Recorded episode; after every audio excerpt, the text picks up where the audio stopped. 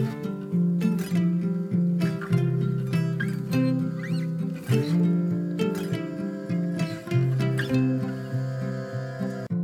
och välkommen till For Health med Anna Sparre. Idag blir det intervju med Peter Wilhelmsson med fokus på din hjärnas hälsa. Vill du lära dig mer på ämnet? Funktions och näringsmedicinaren Peter Wilhelmsson leder en utbildning i hur vi håller hjärnan frisk och vital. Rädda din hjärna nu! Kursen hålls den 26-28 april och riktar sig till näringsterapeuter, funktionsmedicinare, läkare och andra med medicinsk bakgrund. Anmäl dig via alfaplus.se utbildning eller mejla utbildning alfaplus.se. Peter berättar mer om utbildningen i slutet av dagens avsnitt. Om du gillar den här intervjun så blir jag jätteglad om du vill dela med dig av den på Facebook, Instagram eller till en vän. Påminner också dig om att gå in och lämna en recension i iTunes. Det gör det lättare för mig att få hit intressanta intervjupersoner. Tack på förhand! Lämna ditt stöd till podden genom att ladda ner mina e-böcker via fliken böcker på forhealth.se. Och missa inte att anmäla dig till det halvdagsevent som jag håller tillsammans med läkaren Cecilia Fürst i Malmö, Göteborg och Stockholm. Gå till föreläsningar på forhealth.se.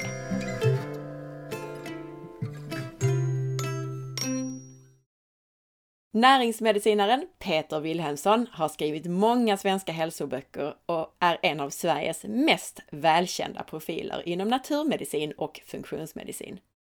Peter har dessutom hunnit utbilda massor med terapeuter och grundat näringsmedicinska företag och kliniker.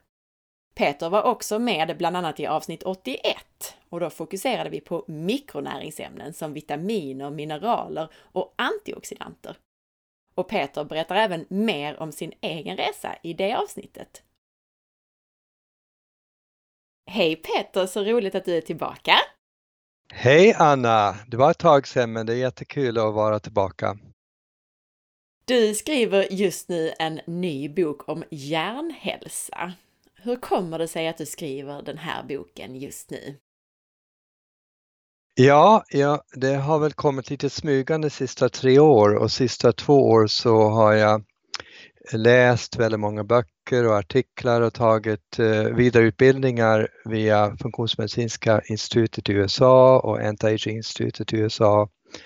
Och jag har väl känt att eh, och sett statistiken att eh, demens, Alzheimers eh, och många trasiga hjärnsjukdomar ökar eh, som en epidemi i Sverige och i västvärlden och eh, just det här området så finns det ganska få blygsamma framgångar med behandlingar. Och eh, jag ville då undersöka det här och, och eh, kände för att jag, jag, ville skriva en bok och då eh, när jag började skriva boken så träffade jag en, eh, en neurofysiker från Sahlgrenska som heter Heidi eh, Bolari och hon också har passion för funktionsmedicin och har tagit också vidareutbildning i det och, och gjort mycket akademisk forskning kring hjärnskakningar eh, och olika problem med hjärnan. Och eh, hon har längtat efter att skriva en bok men hon eh, ja, har inte riktigt hittat vägen dit och, och eh, när jag berättade om det här projektet så blev hon jätteglad så jag, jag bjöd in henne att skriva den här boken med mig för att då har Eh, vi väldigt kompletterande kompetenser genom att jag har eh, jobbat i 40 år eh, kliniskt och sen har jag 30 år utbildning i, i funktionsmedicin och anti-aging och så sen har hon sin forskningsbakgrund och också en kärlek för, för eh, livstidsmedicin och näring och, och eh, funktionsmedicin. Så att då har vi nu jobbat ihop i åtta månader med den här boken eh, skrivit ihop och nu har vi då ungefär en månad kvar av, av att skriva och redigera och sen skickas den in så att sista veckan i april hoppas vi att den är färdig. Ja, det låter som ett väldigt spännande samarbete tycker jag. Och jag har ju också träffat på henne på någon av de här funktionsmedicinska utbildningarna som vi har haft i Sverige. Så jag förstår att hon också har det här intresset som, som du och vi andra har kring funktionsmedicin. Ja, och jag, jag älskar när det finns, eh, när vi kan bygga broar, när det finns eh, samarbete mellan akademisk forskning med integrativ medicin, med skolmedicin, med funktionsmedicin. Just att bygga de här broarna och skapa de här relationerna som möjliggör utveckling och speciellt eh, hjälp för människor som lider och, och och också ge information och inspiration som gör att vi förebygger så många sjukdomar och besvär som möjligt. Så, så det känns jättekul att eh, jobba tillsammans med en akademiker som har eh, eh, gjort mycket forskning. Ja, jag instämmer. Jag har ju fått tjuvläsa lite grann i ett par kapitel redan innan den är färdig och det var jättespännande läsning. Och då skriver ni lite grann om myterna kring demens och Alzheimers, eh, så som då till exempel att det skulle vara en naturlig del av åldrandet att få demens eller att hjärnforskarna kommer att hitta ett botemedel mot demens. Berätta om varför detta är myter. Ja, det är väl en anledning varför jag bestämde mig att skriva om det här också, för, för det känns som i samhället så eh, känns det ganska hopplöst eh, vad det gäller den kommunikationen som går ut till människor här i Sverige att eh, eh det är en naturlig del av åldrande, det är inte så mycket man kan göra åt det, eh, vi behöver mer forskning, vi behöver mer pengar, Eh, Eh, efter 30 år av forskning så har vi inte hittat något botemedel men vi kommer närmare och närmare. Så att det är en, jag tycker det är en myt för att det finns ju då uh, miljontals människor som är 70, 80, 9 och 100 år som har en utmärkt uh, hjärnfunktion och kognitiv funktion. Så att bara för någonting är väldigt vanligt betyder det inte att det är normalt. Så att bara för att eh, många kvinnor går igenom menopaussymptom eh, vid övergångsåldern betyder det inte att det är normalt fysiologiskt. Och bara för att det är en ökad mängd av människor som har kognitiva besvär och eh, demenssjukdomar när de är äldre betyder det inte att, eh, att det är en naturlig eh, del av åldrandet. Det finns en skillnad där. Så att det, vi har ju sett då eh, de senaste tio åren med forskning eh, inom funktionsmedicin, integrativ medicin och speciellt den här boken av Deo Bredensen, Slutet på Alzheimers, så har vi sett eh, stora, stora framgångar med livsstilsmedicin och funktionsmedicin vad det gäller det här området. Så att det känns som att eh, ja, flera behöver då eh, visa att man behöver inte vara passiv, man kan liksom ta makten över sin eh, hälsa och göra massor för att eh, både förebygga och påverka de här kognitiva nedsättningar. Så att eh, det, det, är liksom en av de här myterna som jag vill bryta är att eh, det, det, är inte så mycket man kan göra åt det för det finns inget botemedel. Det är den känslan som jag får från eh, media och från eh, må många då. Så att det vill jag motarbeta. Och jag vill bara betona det du sa där, bredelsen där. Bara sök på Youtube efter honom så kan man höra fantastiska berättelser som han, han har föreläsningar och så som är inspelade som man kan titta på och han har eh, många olika klientfall där man har reverserat symptom på Alzheimers bland annat. Ja, så sista året nu 2018 så kom man fram eh, med en ny artikel eh, av 100 patienter som har, har eh, som Alzheimers patienter som har visat framgång. Och han, han och hans team hade jobbat i många, många år för att försöka hitta ett läkemedel från UCLA och de kom på så småningom att det är så många olika mekanismer som samverkar till att skapa eh, de här sjukdomarna att det, det är väldigt svårt och, och, kanske omöjligt att hitta en enda läkemedel som kan påverka eh, 20 till 25 olika samverkande orsaker som eh, slutligen eh, skapar eh, den här sjukdomen kan man säga. Så att han kom underfund med att de bästa framgångarna var att använda multimodal terapi, att eh, hitta orsakerna bakom patologin och sen använda livstidsmedicin, livstidsåtgärder för att eh, då få de här processerna att backa och för att eh, om man gör tillräckligt och hittar de här eh, nycklarna eller de här pusselbitarna och åtgärda det här främst med livsstilsbehandling och sen kosttillskott och ibland med läkemedel också. Eh, då, då kan man faktiskt eh, få den här backa och man kan se förändringar och förbättringar i hjärnan för hjärnan är vad vi kallar eh, neuroplastisk. Den, den, kan hela tiden förnya sig, lika som alla andra eh, kroppsdelar som om du har en skrubbsår så läker den. Det bara tar mycket längre tid för hjärnan att läka och det tar mycket, många flera åtgärder kan man säga och mera kunskap eh, när det börjar att gå nerför. Och jag ska bara förtydliga lite för lyssnarna när du säger multimodal där, att man då angriper alltså flera faktorer samtidigt som till exempel då det kan vara toxicitet och näringsintag och så som du nämnde bland annat då kring näring och tillskott. Men att det är många sådana faktorer samtidigt som man måste titta på.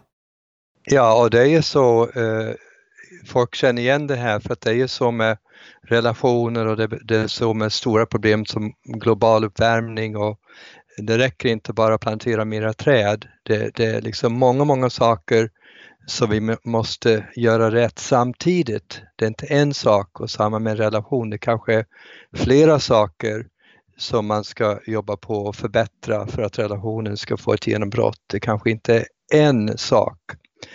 Så, eh, och där, där finns det många, många studier som visar just att multimodal terapi är bättre för de här komplexa problemen och man använder det i vården idag främst vid rehab av uh, skador då.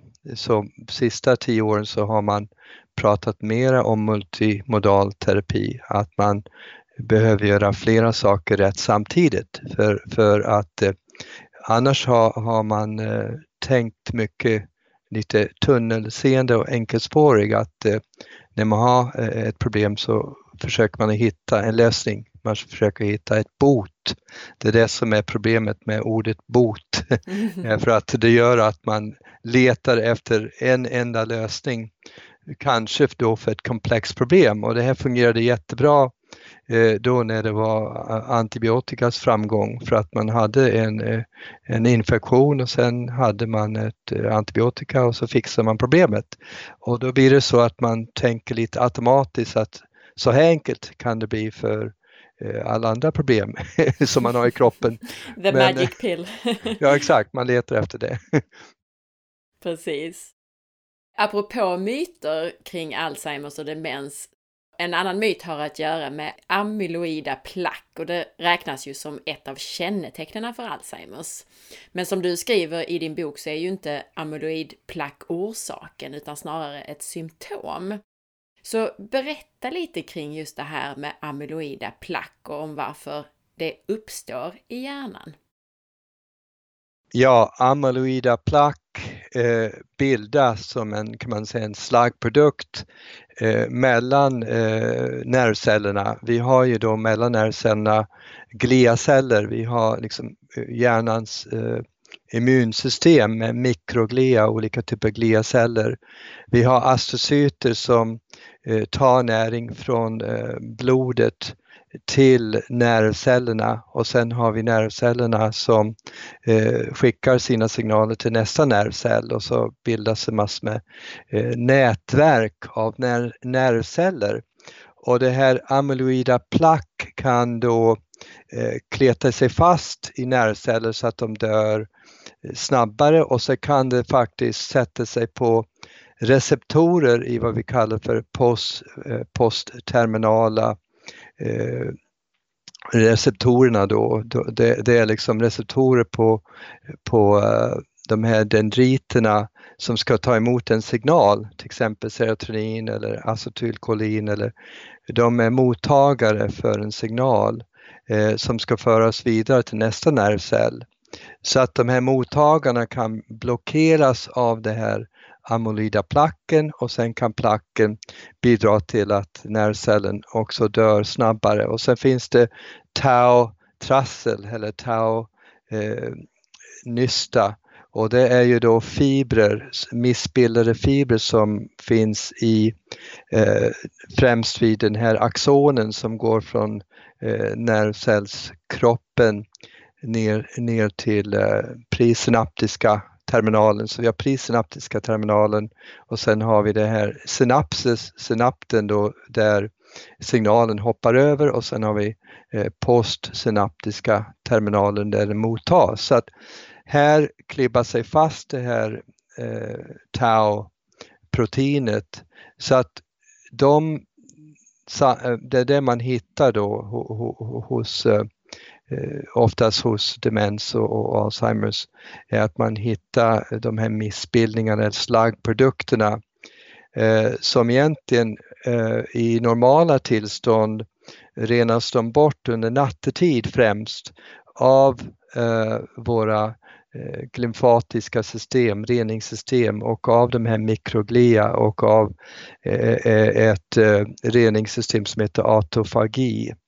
Så att det finns en naturlig detox, en naturlig rening som sker hela tiden i hjärnan som i övriga kroppen. Vi har ju då naturligtvis tarmrening och vi har ju lymfrening och eh, andningen och, och njurrening och så vidare. Så att i hjärnan har vi också flera olika sätt där vi gör en självrening.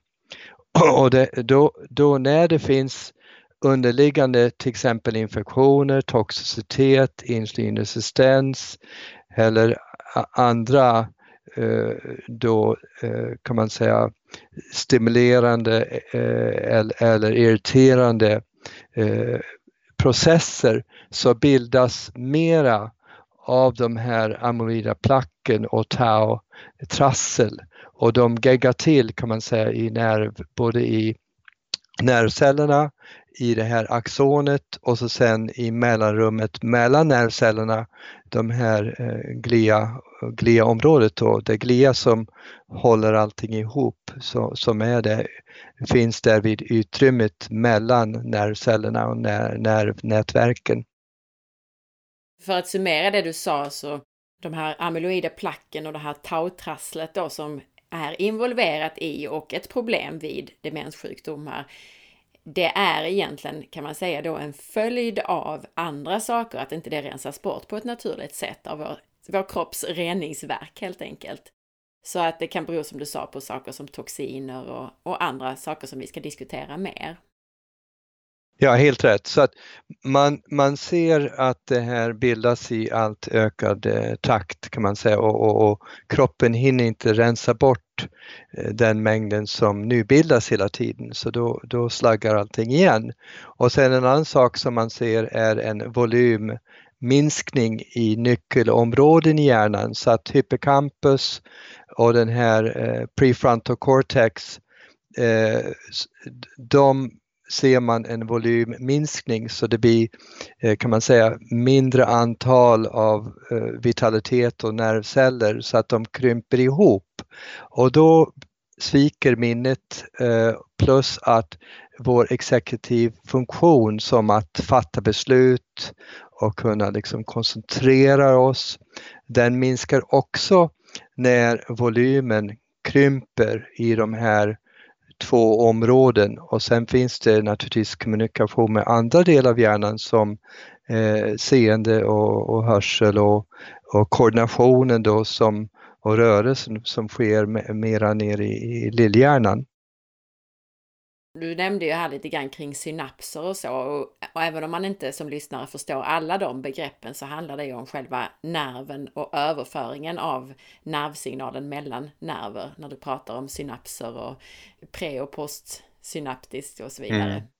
Ja, och en sak där ni, ni, eh, som kanske är lättare att förstå är just att eh, många känner till de här orden serotonin och kanske dopamin och eh, acetylkolin och det är ju ne neurotransmittorer eller signalämnen som hoppar från ena vi säger presynaptisk termal till nästa postsynaptisk termal. De hoppar över en liten mellanrum där som är synapsen.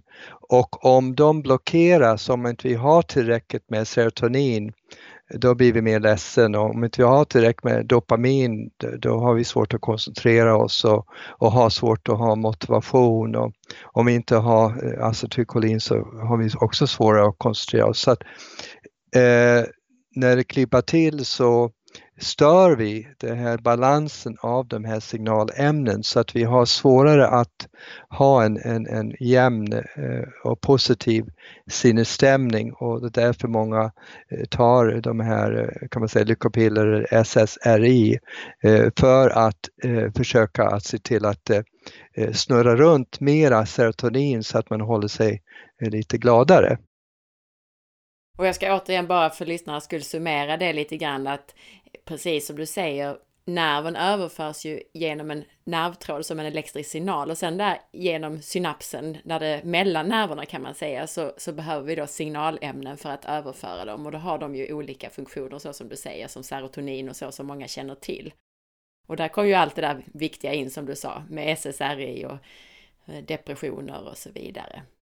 Och därför många som blir dementa och börjar få svårare problem med eh, Alzheimers och demenssjukdomar, eh, de, de kan eh, då vara väldigt arga eller vara väldigt ledsna. De får, de får sinnesstämningssvängningar kan man säga och, och får mycket känslomässiga utbrott. Och det är på grund av att det är igenslaggat. De, de, de, här Eh, happy-signalerna kan inte hoppa vidare, hoppa vidare och, och, cirkulera i kroppen eller hjärnan längre så att eh, det, det kraschar eh, den här stabila positiva sinnesstämningen som sker när alla de här signalerna kan göra sitt jobb. Och jag tänker också på det här du sa med att hjärnan krymper och när du då sa vilka delar av hjärnan som påverkas eh, så tänker jag att det är precis de delarna som är väldigt känsliga för stress. Jag tänker då hela hjärnbarken och särskilt de prefrontala loberna är ju väldigt känsliga för stress av alla slag. Ja, det, det ingår i limbiska systemet den här hippocampus och eh, vi har ju då eh, oftast stress, starka stresssignalen eh, börjar i amygdala som är den känslomässiga centret för hjärnan och sen modelleras den av eh, hippocampus och den här prefrontal cortex, då kan, då kan det hjälpa att lugna ner en, en överaktiv stresssignal. Och sen går det vidare då till eh, hypotalamus och sen går det till eh, hypofysen och sen går signaler då ner till eh, binjurarna och, och sen påverkas också även vår eh, vagusnerv och sympatiska parasympatiska systemet. Men i limbiska systemet så har vi både amygdala och hippocampus. Så hippocampus hjälper till både med, med minnet och med som en, en liten balanserande syskon till eh, amygdala. Apropå då det här med varför man får demenssjukdomar. Kan du berätta om några kända och viktiga riskfaktorer till demens och kognitiv nedsättning som alltså verkar kunna öka risken att drabbas av demenssjukdomar? Ja, det finns ju de här klassiska eh, riskerna som de flesta är överens om. Eh, och, och, den starkaste genetiska risken är eh, A på E4 och, och det ser man på en gentest. Eh, och det har med Eh, dels med kolesterolomsättning i, i kroppen eller fettomsättning i kroppen. Men där finns det en tydlig risk om man har en dubbelavvikelse på ApoE4 har man eh, eh, en ökad risk. Man har en annan genetisk skydd som heter ApoE2 och sen har man en som är mittemellan då som har en låg risk som är ApoE3. Så det finns en genetisk risk och så finns det några andra saker genetiskt som kan göra att man får en större tendens. Men sen finns det genetiska mutationer. Så genetiska mutationer är ju mycket, mycket svårare problem och det är de som ligger bakom eh, de här fallen där man har Eh, man kan få demens när man är i 30, 40, 50 års åldern, då är det en svår mutation. De här andra genetiska riskerna, de kan man hantera, de kan man påverka med livsstil och eh, med, med kosten och med, med, med, med många saker. Så, så även om man har eh, de här genetiska avvikelserna, de här snipsen, då, då kan vi påverka dem, då kan vi minimera den risken. Sen det, finns det andra risker som övervikt kan man säga, eller fetma och, och, och rökning och, och eh, eh, det ökar med åldrandet för att när vi åldras så, så är vi sämre eh, på att eh, eh föra bort slaggprodukter. Våra, eh, vår leveravgiftning är lite sämre, vår njurrening är lite sämre. Vi har mera oxidativ stress i kroppen, vi har mera tendenser till inflammation. Så vi är successivt lite sämre på att eh, ge, ge oss av med eh, olika slaggprodukter och att motarbeta olika typer av negativa processer om vi inte riktigt skärper till oss och, och liksom förbättrar saker i vår livsstil. Så det är några av de här eh, vanliga eh, riskfaktorerna kan man säga. Sen finns det andra saker som man ser i, eh, mycket nu sista 10-15 åren. Och det är ju då uh, saker som uh, kommer mer och mer i forskning, det är ju tungmetaller, speciellt aluminium och, och kvicksilver har starka samband och, och det, det, det är främst en långtids en långtidsackumulering eller exponering för de här tungmetallerna. Så att det, eh, de här vanligaste formerna av demenssjukdomar och Alzheimers de kommer cirka 20 år eh, Eh, successivt. Eh, så de utvecklas successivt så, så det är ingen eh, akut snabb utveckling men det sker oftast mellan 10 och 30 år.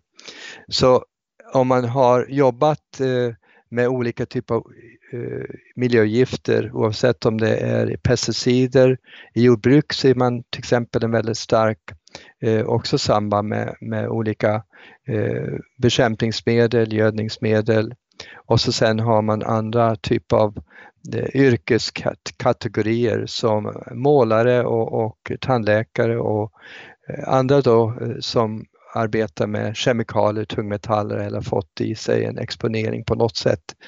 Koppar till exempel se, en, en, en, en, alltså en hög kopparsinkratio eller kvot ökar risken också då för Alzheimers och som vi vet från hormonanalys så, så koppar ju infektioner och det finns ju eh, en stark koppling mellan herpesvirus 1 och eh, Alzheimers samt att det finns andra eh, bakterier, svamp och virus som kan eh, trigga eh, den här negativa spiralen som ökar Alzheimers. Så det är infektioner kan, eh, kan man säga samla eh, och nedsätter immunförsvaret så att immunförsvaret inte kan eh, göra sitt arbete och, eh, och inklusive då hjärnans immunförsvar som jag sa tidigare var det, de här gliacellerna. De nedsätts av det här. Så en infektion eh, och tungmetaller och så sen kallas Alzheimers för eh, då diabetes typ 3. Så att om man har diabetes typ 2 så har man en stark ökad risk att få diabetes typ 3 för att Alzheimers, vad som sker är att det, det blir en insulinresistens i hjärnan. Så att hjärnan kan inte producera eh, den mängd av energi den behöver. Och hjärnan kräver jättemycket energi för att den, för, för att den ska utföra allt som den ska utföra. Så den, den väger 2% av kroppen men den tar ungefär 25% förbrukar 25% av energin och förbrukar ungefär 25 av, av glukosen i hela kroppen. Så att det, mitokondria eller de här energiproducerande fabriken som finns i, i alla nervceller måste eh, ja, producera jättemycket energi och då, deras energiproduktion eh, Eh, då, eh, och, för, och användning, användning av glukos eh, som energimedel, som bränsle minskas när man får insulinresistens. För insulinresistens innebär, innebär att man blir mindre effektiv eh, att eh, ta upp och förbränna eh, socker som energi. Så att det blir en, kan man säga, en energikris i hjärnan. Den är inte lika duktig på att producera den mängd av energi som den behöver och samtidigt när man blir äldre så är det oftast man rör sig mindre så man får eh, sämre cirkulation och sämre syresättning och de här energifabrikerna, mitokondrierna, för att producera energi måste ha syre också. Så det ska komma väldigt mycket cirkulation, väldigt mycket syre till nervcellerna för att det eh, ska produceras mycket energi. Så att om det är mindre aktivitet, det är också en riskfaktor. Om man rör sig mycket mindre, om man motionerar mindre och där har vi eh, Anders Hansen som har skrivit en väldigt eh, jättebra bok om hjärnstark och hur, eh, läs gärna den boken hur hjärnan då eh, blir starkare och bättre och mer effektivt med träning.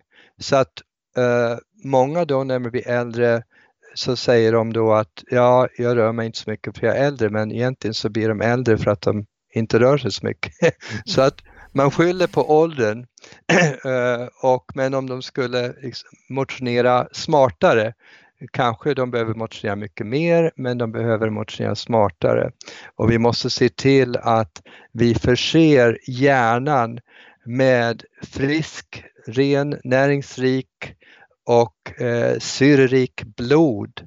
Så att det finns en koppling mellan till exempel högt blodtryck och Alzheimer. Så om man har högt blodtryck då, då är det ett problem med, med syresättning och, och, och det är därför eh, det är så viktigt att vi eh, håller våra blodkärl eh, friska och, och, vi har ju, ni har ju säkert pratat många gånger om hur bra det är att äta rucola och spenat och rödbetor och sånt där för att producera kväveoxid så att vi får avslappnade blodkärl så att vi får mycket bättre syresättning. Så att då har vi högt blodtryck och vi har eh, insulinresistens och vi har mitokondria, eh, nedsättning, eh, vi har infektioner, vi har, eh, vi har olika typer av eh, miljötoxiner. Eh, vi har då eh, en annan sak som heter aktivering av mikroglia och det, är, det sker mycket om vi äter, speciellt eh, om vi äter eh, MSG eller glutamat, om vi äter på Kina-restauranger eller använder glutamat som en vanlig eh, kan man säga, smakförstärkning eller äter eh, olika typer av, eh, eh, ja om det är halstabletter eller det aspartam, tuggummi, halstabletter, det finns många gömda källor. Men aspartam är ju ett sötningsmedel som är också en eh, excitotoxin, lika som glutamat en excitotoxin. Och vad de gör är att eh, de gör att det kommer in för mycket, eh, de påverkar en receptor som heter eh, NMDA-receptor som gör att eh, för mycket kalcium kommer in i nervcellerna och nervcellerna dör lite för snabbt då. Så att det är också en, en process som vi kan påverka eh, med eh, vår eh, mat kan man säga. Uh, så att excitotoxicitet eller att de här receptorerna till uh, kärnan av nervcellerna uh, blir överaktiva och det kommer in för mycket kalcium in i nervcellen. Det är också en, en bidragande orsak. Så att sämre blodförsörjning, Eh, uh, insulinresistens. Sen är det information, vi har inte nämnt, men information är ju en, en process som oftast ökar när man blir äldre och är kopplad till de flesta kroniska sjukdomar och eh, David Perlmutter som har varit en av mina lärare under 20 år, jag har lyssnat mycket på honom. Han har en fantastisk karriär som, som neurolog och han har ju pratat i 20 år om the brain on fire och just att eh, de här demenssjukdomarna och kognitiv nedsättning kommer oftast eh, successivt smygande när man har en underliggande inflammation eller inflammaging är ett ord man har myntat där.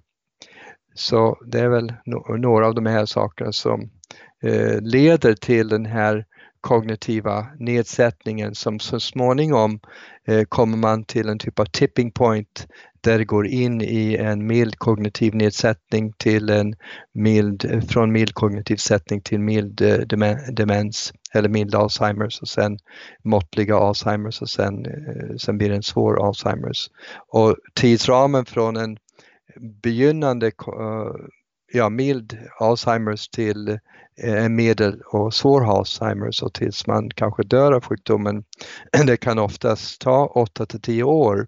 Så att Eh, det är, inte, eh, man, det är inget, inget sätt som man vill avsluta sitt liv och det är ju naturligtvis väldigt tragiskt för, för anhöriga och nära och kära och alla vänner. Så att eh, jag känner den här passionen att jag måste ut med så mycket information som möjligt och Heidi känner samma driv för att få folk att både förebygga och sen eh, ta makten över sitt, eh, kan man säga, sjukdom om de har en sjukdom eller sina symptom och, och det kan oftast förbättras och, och, och, då kan de få bättre livskvalitet i slutet av sitt liv.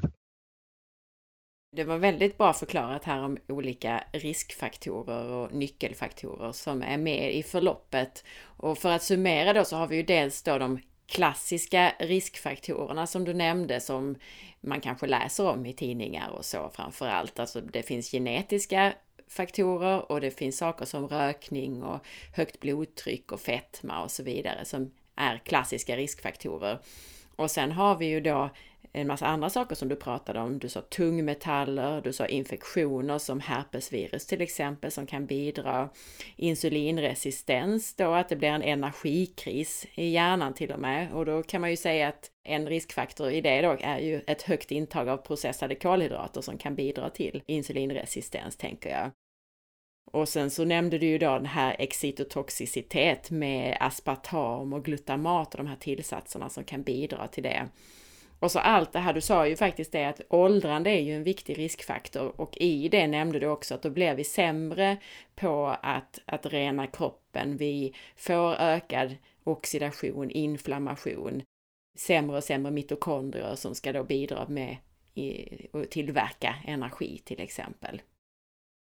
Ja, och så sen finns det några andra klassiska eh, faktorer här som man har sett statistiskt sett och det är ju då låg utbildningsnivå. Och, och, och, och, och eh, när man blir äldre och om man eh, har eh, ja, nyfikenhet, om att man läser mycket, om att man diskuterar mycket, om att man aktiverar hjärnan. Eh, många olika typer av hjärngympa kan man säga, eh, om man eh, lider av depression, det är också en riskfaktor. Eh, så att eh, om man är fysiskt inaktiv eller kan man säga mentalt inaktiv och, och eh, inte så intresserad eller inte tränar hjärnan intellektuellt så är det också en riskfaktor. Så det är också någonting man kan förbättra Eh, alla liksom har väl läst lite om att man kan lösa eh, korsord eller läsa lite mer. Men det finns också många neurologiska övningar. Eh, det finns ett helt område som heter Functional Neurology där man kan göra olika saker för att utmana de här hjärncellerna och få dem att växa till exempel om man är van att borsta, borsta tänderna med höger hand så kan man börja borsta tänderna med vänster hand. Eh, så så då tvingar man, det är, det är en typ av hjärngympa. Eh, Lika som när man tränar på ett visst sätt, om man går på gym och tränar samma saker, samma muskelgrupper och sen tränar man någonting annat, då får man lite träningsverk för att man liksom har, nu har man liksom eh, gå, ja, gjort en utmaning för kroppen att behöva bilda andra typer av muskelfibrer och när man tränar Eh, Eh, då samma sak med nervkopplingarna och, nervnätverk. Om man gör nya saker, om man reser, om man lär sig, ny, lär sig nya språk och om man, om man liksom går baklänges istället för framlänges. Så om man gör nya saker och inte går i san, samma gamla fotspår och gör, man är ju vanemänniskor, Men om man, eh, ni vet hur det är när man kör bil hem, om man har kört samma eh, sträcka så tänker man inte på det och sen är man hemma. så, att, så att vi är ju vana människor, men allt vi kan göra som medvetet eh, då tvingar oss att lära oss nya saker är ju också då en av de här pusselbitarna för att motarbeta eh, tidigt eh, kognitiv åldrande. Nu har vi ju fått höra om massor med faktorer som är involverade och det, redan där tror jag att man börjar förstå att det kan inte vara en enda orsak bakom demenssjukdomar. Och om vi nu pratar orsaker, är det de här riskfaktorerna, nyckelfaktorerna som vi har pratat om, som du anser vara orsakerna bakom demens? Ja, det här är eh, processer eller saker som retar Eh, Eh, eh, bildning av, eh, eller orsaker bildning av mera amyloida plack och tautrassel och att hjärnans volym krymper och att de här neurotransmittorerna inte eh, skapar den här stabila eh, sinnesstämningen och så vidare. Eh, men underliggande till de här processerna av information, insulinresistens och sen är det oxidativ stress eller fria dekaler och, och aktiverade mikroglia.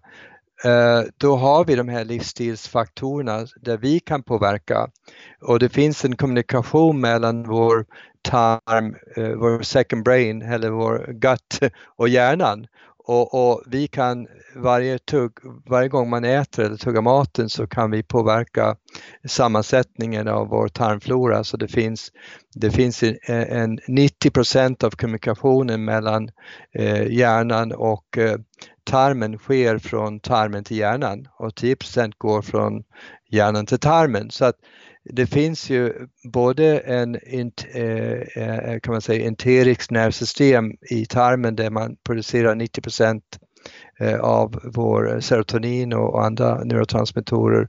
Det finns en, kan man säga, en del av hjärnan i tarmen.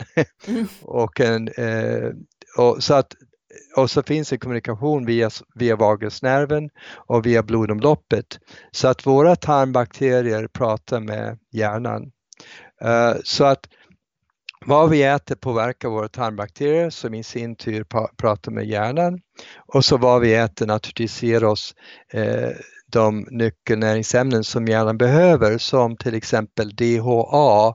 Eh, ni har väl hört talas om EPA-DHA och när man äter fisk och, och tar fiskolja eller äter Eh, bläckfisk eller eh, ja, andra källor Eh, så, så får man olika förhållanden mellan EPA och DHA.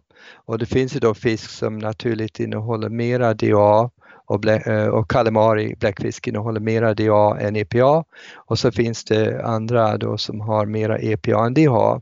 Och DHA är den eh, omega-3 fettsyran som är viktigaste för utveckling av hjärnan och eh, EPA är den delen som är starkast antiinflammatorisk. Så att om man har eh, hjärt och kärlproblem eller mera informationsproblem då tar man en större eh, procentuellt förhållandet och eh, EPA mot DA. Men om det är hjärnan man vill påverka mera då ska, ha man, då ska man ha en större andel DHA än EPA, till exempel dubbelt så mycket då.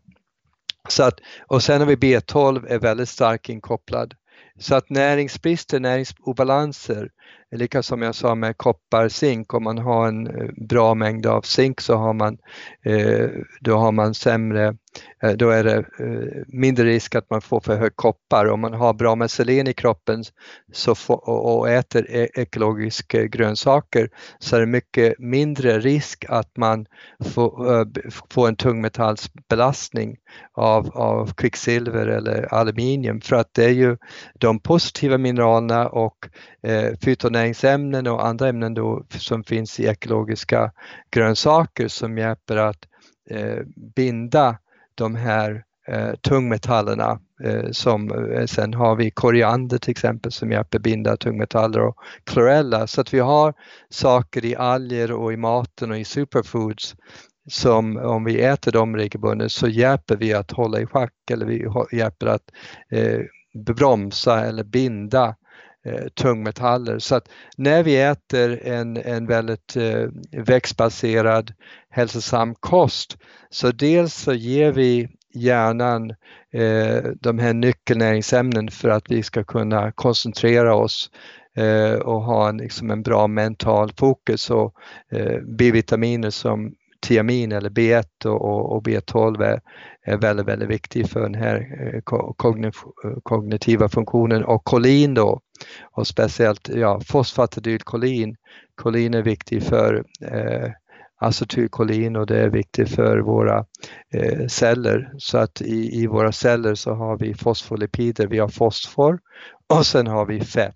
Så fett är jätteviktigt för alla våra cellmembran och det är speciellt viktigt för hjärnan och då är det främst de här eh, omega-3 fettsyrorna och eh, sen har man funnit att mättade fettet, då speciellt MCT eh, från kokos, är speciellt bra. För vi kan, nu, när vi kan använda mindre socker som näringskälla eller energikälla så kan vi använda eh, Eh, ketoner, eh, vi kan använda fett från MCT-olja till exempel eh, som en näringskälla så, så därför är det oftast rekommenderas om man har kognitiv nedsättning eller demenssjukdomar att man, man, man tar flera teskedar av av MCT-olja varje dag plus flera matskedar av kokosolja.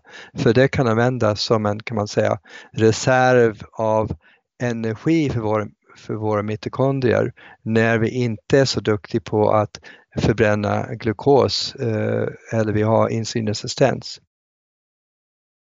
Vi började prata om orsakerna och då så var det ju dels då eh, de här sakerna, riskfaktorerna som vi pratar om och sen så kom du också in på vilken betydelse tarmen har. Kan man se då tarmfloran och tarmhälsan som en av orsakerna bakom hur vår hjärna mår och hur, om vi får demens eller inte. Ja, det är en riskfaktor på grund av att om vi har en väldigt bra eh, tarmflora så är det också en mindre risk att det blir infektioner. Vi, vi har ju 70% av vår immunförsvar där i tunntarmens eh, lymfocyter och eh, det finns ett eh, samarbete då kan man säga mellan eh, tarmfloran och, och, och eh, de här immuncellerna, våra lymfocyter och sen den här kopplingen till hjärnan då från våra lymfocyter, våra immunförsvar i, i, i tarmen och så immunförsvaret i hjärnan och så vårt nervsystem i tarmen och nervsystemet i, i hjärnan och när vi har en väldigt bra tarmflora så är det mycket mindre risk att vi får eh, en infektion. Så en bra tarmflora och en bra, ett bra immunförsvar Eh, minimera risken att vi drabbas av en infektion som kan eh, förstöra nervceller och som kan sätta igång en, en patologisk utveckling av eh, hjärnan. Sen nämnde du då de viktiga sakerna både för att hålla hjärnan frisk och eh, jag antar då också att du menar att brister på de ämnena som då omega-3 fettsyror, då nämnde du DHA och EPA som är viktiga ur olika aspekter och du nämnde B-vitaminer och, och så, att brist på de ämnena kan då, antar jag, öka risken också för demenssjukdomar. Ja, och det är ju eh, en typ av differentiell diagnos även i, i, i vanliga demensutredningar och Alzheimerutredningar inom vården att man ska först utesluta B12-brist Eh, för att många av, om man har en kronisk B12-brist så kan det likna mycket demenssymptom. Och jag har själv haft under mina år eh, av eh, klinisk verksamhet äldre, äldre eh, kvinnor, män som har svårt att koncentrera sig, som tappar livslusten och, och, och, och har ingen energi. Och så får de en B12-spruta på på vårdcentralen eller på sitt äldreboende. Och så, så blir de jättepigg och glad i tre dagar, fyra dagar och så sen avtar det. Och så måste de vänta en hel månad till för att få sin B12-spruta. Det händer jättemycket. Och då naturligtvis från mig så får de uh, så får de eh, då eh, kosttillskott av B12 för att successivt bygga upp de här värden då, eh, för att det, det går ju mycket snabbare med en spruta men, men man kan få upp samma värden in, inom fyra till eh, åtta veckor med, med kosttillskott. Så att det är ju väldigt viktigt att, och då, att sätta in höga doser B12 och prova det för det, det är ofarligt och det är billigt och eh, om de här demenssymptomen beror främst på B12-brist, nu kan det vara eh, naturligtvis är det andra saker som kan medverka men det kan vara en av de här viktigaste pusselbitarna. Då, då, kan, man, då kan man ta eh, stora doser av B12 tillsammans med en B-komplex eller med en multivitamin och, och då menar jag eh, att eh, man, man, tar i alla fall eh, ja, cirka ett gram eller flera gram eh, under eh, under en månad till exempel. Eh, och, och, om det är en av de här viktiga pusselbitarna eh, så, så då märker man eh, med, med kosttillskotten i, inom en eller två veckor eh, en klar skillnad eller naturligtvis om man får en spruta så får man eh, en direkt effekt där. Och det är viktigt det du tar upp där, att då kan det ju vara att det kanske inte är, ska vi säga, vanlig demens, utan att det mm. beror just på B12-brist som är så viktigt. Alltså B12 är så viktigt för, för vårt nervsystem. Mm. Och det du sa där med att äldre människor ofta får en brist, det behöver ju inte ha att göra med att de äter väldigt lite B12 utan det är ju också ett problem ofta med upptaget då, att man kanske har lite för lite saltsyra och problem med att bilda sådana här intrinsic factor och så vidare så att man tar upp B12 sämre och då kanske man behöver ett kraftigt kosttillskott eller till och med sprutor som du säger. Ja, och det, jag har märkt också att många äldre personer kokar sönder sin mat för att de kanske kanske inte är lika duktiga på att tugga, de kanske inte har tänderna eh, som behövs eh, eller fungerar lika bra eller de har sämre enzymer så att de eh, tål inte råa grönsaker. Så att det är saker som gör att de kanske inte och sen har de sämre upptag också som du säger. Så att då har de gått med lite, lite för låga B12-värden under många många, många år kanske och så successivt så, så blir det störning i, i, i de här neurologiska kopplingar. Och en annan mycket vanlig brist som du vet är ju D3 eller D-vitamin och, och, och eh, som också successivt eh, ger sig känna när man är äldre Eh, och, och, det är ju också någonting som kan eh, hjälpa till i den här eh, problematiken eh, och naturligtvis är jätteviktigt för att ha ett starkt immunförsvar för att då eh, skydda sig från de här infektionerna. Och det är ju ett problem som du faktiskt tar upp här, det här med äldreboenden och så, att man ofta får kanske en ganska dålig mat om jag får säga det mm. själv. Och mm. samtidigt så får man inte vara ute i solen och dagsljus mm. tillräckligt mycket och bildar inte D-vitamin. Så man får för lite B12 och andra näringsämnen från maten, antioxidanter och annat. Och man får för lite D-vitamin för att man får inget solljus. Och man, då bildar man ju mindre serotonin och allt det här också. Så då mår man ju sämre av den anledningen. Ja, och det är just därför jag jag ville skriva den här boken för att i samhället idag så hoppar vi över hela livsstilsbiten och näringsbiten. Vi hoppar från en diagnos till en läkemedelsbehandling. Och vi, vi undersöker inte tillräckligt grundligt och vi använder inte livsstilsmedicin och näringsmedicin eh, först eller som att eh, man kan mycket väl behöva läkemedel men som komplement för att läkemedel ska fungera bättre och ha mindre biverkningar så kan man samtidigt fixa till de här livsstilsfaktorerna som har allt för låg status i vårt samhälle och speciellt inom medicinska kretsar. Att, att livsstilsbehandlingen är oftast mycket kraftfullare än en, en, eh, läkemedelsbehandling och naturligtvis är det mer långsiktigt och så är det mycket billigare. Eh, men naturligtvis så finns det eh, behov av läkemedel och det finns behov av operationer. Om, om din hjärnproblematik beror på en tumör så är naturligtvis, eh, då har vi en bra quick fix, ta bort den där tumören med en operation. Men, men ofta så är det inte en tumör, det är oftast eh, eh, komplex eh, ja, samverkande faktorer och då finns oftast de här livsstilsbitarna med. Jag vill också plocka upp en annan sak du sa, du nämnde det här med MCT-fetter som då finns i kokosolja till exempel och att man bildar ketoner. Och du nämnde ju innan då att en viktig sak i det här med demensförloppet är energibrist i hjärnans celler. Och hjärnan vill ju gärna ha då blodsocker, glukos, men kan också fungera med ketoner. Så att om man då kan få både insulinkänsligheten så att, och, och fungera bra så att hjärncellerna kan ta in det bränslet och dessutom få ketoner som den också kan använda som bränsle så minimerar vi ju risken för energibrist i hjärncellerna. Ja, och användningen av MCT-olja är också mycket bra om man är sockerberoende eller kolhydratberoende för det, det ger en snabb energi men samtidigt triggar det inte igång den här sockerbegäret och, och samt är det väldigt bra om man ska en övergång till en mer ketogen diet där man äter mera fett. Då kan det bli jobbigt för många Eh, med blodsockerfall och olika saker som sker om man försöker övergå från en vanlig, eh, vad jag kallar för sjuk, sjukmanskost eller svensk modern kost eh, till en ketogen kost som har blivit populär. Den där övergången kan vara jobbig för många men om man använder MCT-olja då, då, då ger man de här externa ketonerna. Annars måste man liksom programmera kroppen att gå igenom den här övergångsprocessen och lära sig att själv förbränna och skapa den här bränsle med eh, ketoner när man övergår till den här kosten. Så att det här MCT-olja är eh, ett väldigt bra sätt att hjälpa eh, den här väldigt ineffektiva glukos förbränningen för att skapa energi som sker vid insulinresistens och vid Alzheimers, eh, hjälpa den med den här extra skott av energi som eh, kan användas då för att eh, hålla skärpan och, och, och hjälpa hjärnan att vara friskare.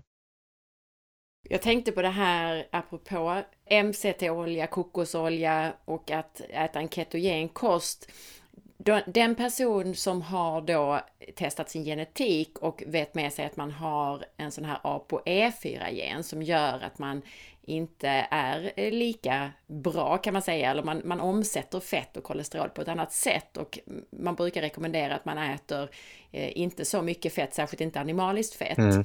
Hur ska man då tänka kring det här med att eh, äta lite mer, alltså bilda ketoner och äta kokosolja och MCT-olja och så, tycker du, när man har en sån gen?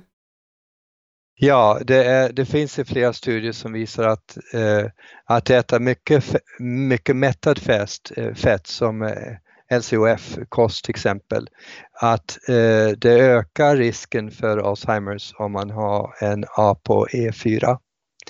Och det är ju ofta så att de som är på en högfettskost kanske inte är så näringskunnig och kanske inte balanserar den och många då som äter till exempel en NCF-kost tror att eh, ja, alla de här förbättringarna de får kommer från eh, fett. Och de kanske inte tänker på att de ska balansera mättat fett med omega-3 fett. Och de kanske inte heller tänker på kvaliteten på deras mättade fetter. Och som du vet så får man många toxiner i lagrade fett i djur, djur som, eh, så att man kan få mycket toxinbelastning där. Eh, och eh, däremot så är MCT, medelskedade triglycerider, en mycket lättare och snabbare källa då som bränsle eh, än, än vanlig mättat fett som, som finns i, i djur, när man äter djur då, äter kött då. Så att det är ett undantag skulle jag säga för ApoE4 att Eh, Eh, det belastar inte kroppen på samma sätt och, men man måste alltid tänka på den här omega 6 omega 3 ratio och mättad fett omega-3 ratio eller kvot. Då. Så att om man bara hänger upp sig på att äta mycket mättat fett och man äter mycket ost och smör och grädde och kött och korv och allt möjligt, då kanske man då eh, tränger ut den mängden av omega-6, omega-3 och omega-9 som skulle vara väldigt bra för hälsan. Så det är lätt att man, eh, man överdriver. Eh, du vet samma sak en vegetarian eller någon som är fetts, kanske fettskrämd kan överdriva och de får inte i sig tillräckligt fett. Eh, eh, så kan man överdriva som en LCHF eller vissa paleopersoner så glömmer man bort varför veganer och vegetarianer oftast är väldigt friska och det är för att de får i sig massvis med fytonäringsämnen, de har fibrer, de får en kost som är mycket bättre för mikrobiomet Eh, eh, än då de som äter LCHF-kost. Så det finns fördelar och nackdelar eh, och, och, saker att tänka på. Det är inte så eh, enkelt som man oftast eh, uppfattar från eh, tidningsartiklar. Eh, det, det, är mera, man måste tänka på flera saker för att när man äter eh, en, en typ kosthållning så påverkar det så många olika system och vissa system kanske påverkas väldigt positivt och andra system kanske påverkas negativt. Så en NCF typ av kost, där, där går man ner kanske i vikt snabbare, man får en insulinförbättring, man kanske blir av med sina diabetesmediciner. Eh, ja, det är många, eh, många som upplever positiva effekter. Men det kanske blir andra saker som, man, eh, som blir sämre. Tarmfloran, fiberintaget, eh, intag av magnesium och kalium, folsyra. Så att Eh, det är viktigt att man eh, eh tänker på både eh, fördelar och nackdelar och sen kompenserar man för nackdelarna. Så att om man är vegan eller vegetarian, då tar man eh, extra, extra kanske zink och B12 och, och, och omega-3 fettsyror och så vidare. När vi då pratar toxiner som är en bidragande faktor i det här, vilka är de viktigaste eller värsta toxinerna som vi ska vara uppmärksamma på? Ja, jag tror att eh, de flesta av oss, inklusive mig själv, tänker inte så mycket på uh, de är gömda toxiner för det finns ju flera undersökningar som visar att eh, inomhusluften är oftast, speciellt här i Sverige, ofta sämre än utomhusluften. Vi har ju oftast så bra utomhusluft här. Om att man bor precis i mitten av en, en storstad så har vi fantastiska, eh, eh du vet, eh, ja, olika områden i skogen och, och, havet och allting vi andas in. Så att det är många, det är därför det är så bra att ha många av de här växterna som hjälper att rena luften och kanske man ska ha luftrenare och, och se över sin ventilationssystem. Så det, det, det är kanske det som vi inte tänker så mycket på. Sen är det väl me, mera skriverier kring kvittenser där vi kan få i oss gifter och, och hygienprodukter och, och tamponger och, och, kosmetika och Sen finns det yrken naturligtvis, en hårfrisörssalong som eh, sprutar eller sprayar kemikalier och parfym eh, och, och eh, Sen finns det tillsatser i kosten och sen finns det saker som blåser över kvicksilver från eh, kolfabriker i Kina som kommer över oss eller krematorier där det går kvicksilver från, eh, från aska eh, upp i luften. ja, så vi har luftburna, vi har vattenburna, vi har det som finns i maten, vi har det som finns i inomhusluften, vi har det som finns i, i reningsprodukter, vad vi tvättar golven med och vad vi tvättar huset med. Eh, naturligtvis eh, eh om vi har eh, hobby som eh, keramik så kan vi lätt få i sply eller andra saker. Eh, om vi målar så finns det också oftast tungmetaller, eh, det finns bly i läpp, läppstift och ja, så eh, tyvärr så måste vi tänka på många, många saker. Vi måste läsa etiketter så att någon som vill förbättra sin hälsa hela tiden eh, är en som läser etiketterna. Men jag tänker på just det här eh, du, som kvicksilver som du nämnde som en av de viktigaste faktorerna då det är ju svårt, alltså man vill ju äta fisk för man vill ju få i sig då eh, omega-3 och, och selen och annat som är viktigt från fisk. Men hur ska man tänka då med kvicksilver i fisk? Ja, först så så rekommenderar jag att man, man äter främst eh, ansjovis och, och, och eh, sardiner och sen i nästa hand sill för att ju mindre, eh, ju mindre eh, storleken av fisk, ju mindre eh, kemikalier och tungmetaller. Och, och, i näringskedjan, ju större fisk eh, så koncentrerar sig de här tungmetallerna så att det blir mera eh, tungmetaller i svärdfisk eller haj eller de här stora fiskarna. Så att om man kan Eh, Eh, ja, eh, vänja sig vid att äta småfisken och så sen tyvärr så är det svårt att hitta vildlax nu för tiden. Det finns eh, mest odlad lax och de är inte lika nyttiga för att de äter inte sin naturliga föda och så sen är de trångbebodda så att de, det visar sig att dels deras omega-3 Eh, fetter är inte lika eh, bra och sen är det då att de har mera kemikalier och mera gifter i sig. Så att jag undviker eh, odlad lax och jag vill inte stödja den industrin heller. Och sen har vi gräskött då som är en bra källa av omega-3 fettsyror som många inte tänker på.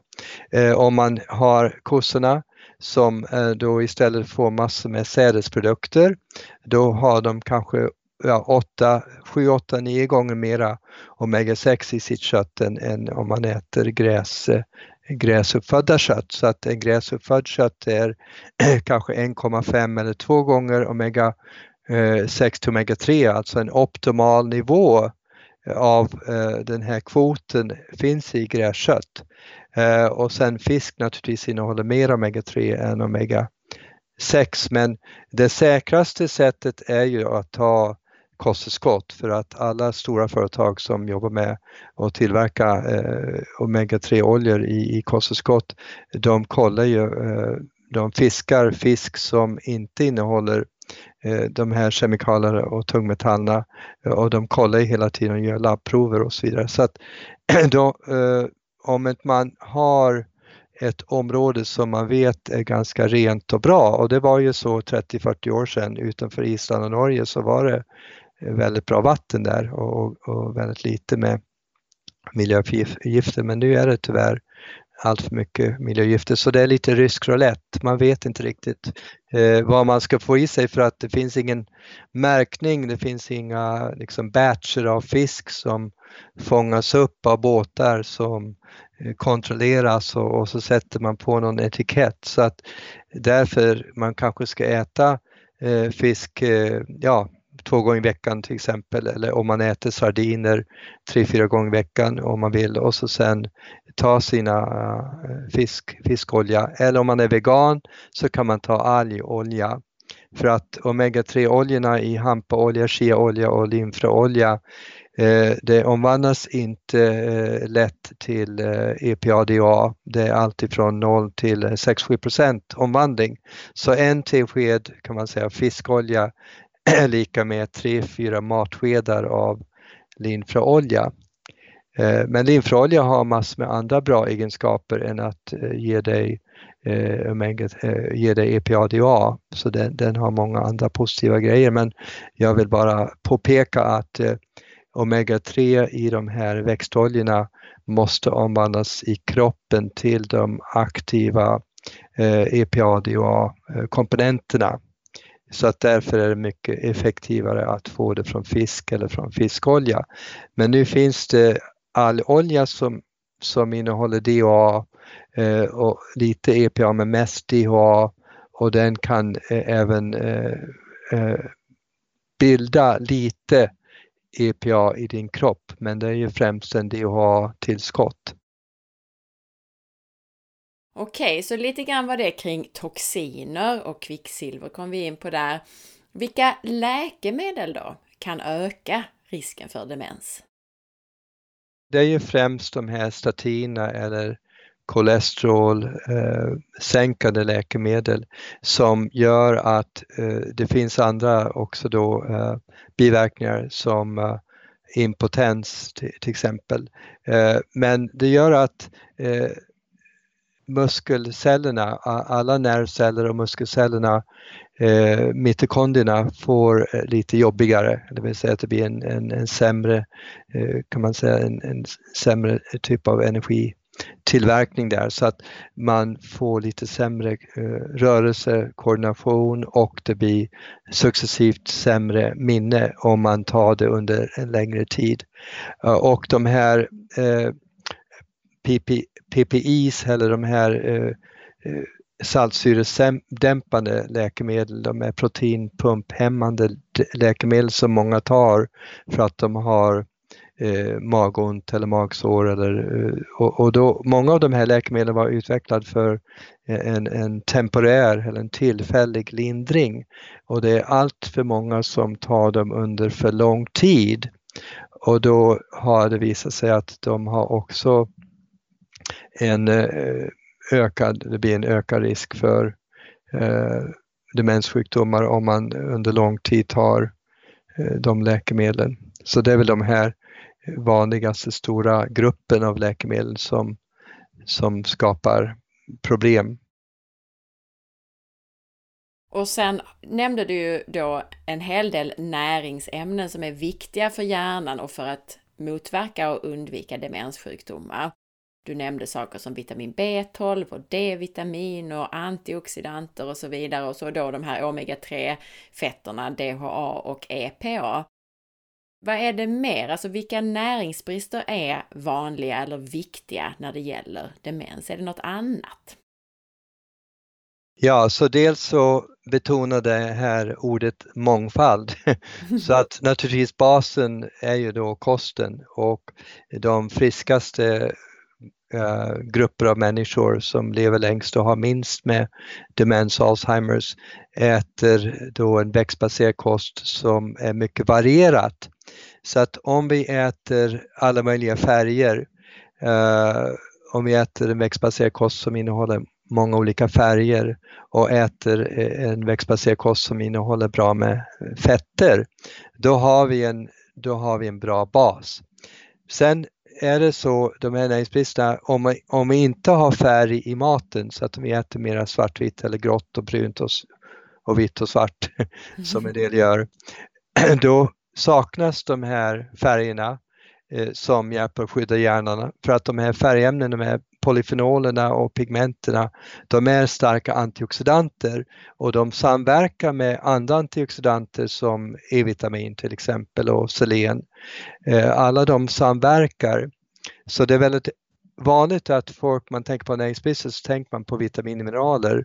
Men nu finns det uh, tiotusentals fytonäringsämnen som är verksamma näringsämnen i främst i växtriket då, som inte är vitaminer och mineraler men som samverkar med vitaminer och mineraler.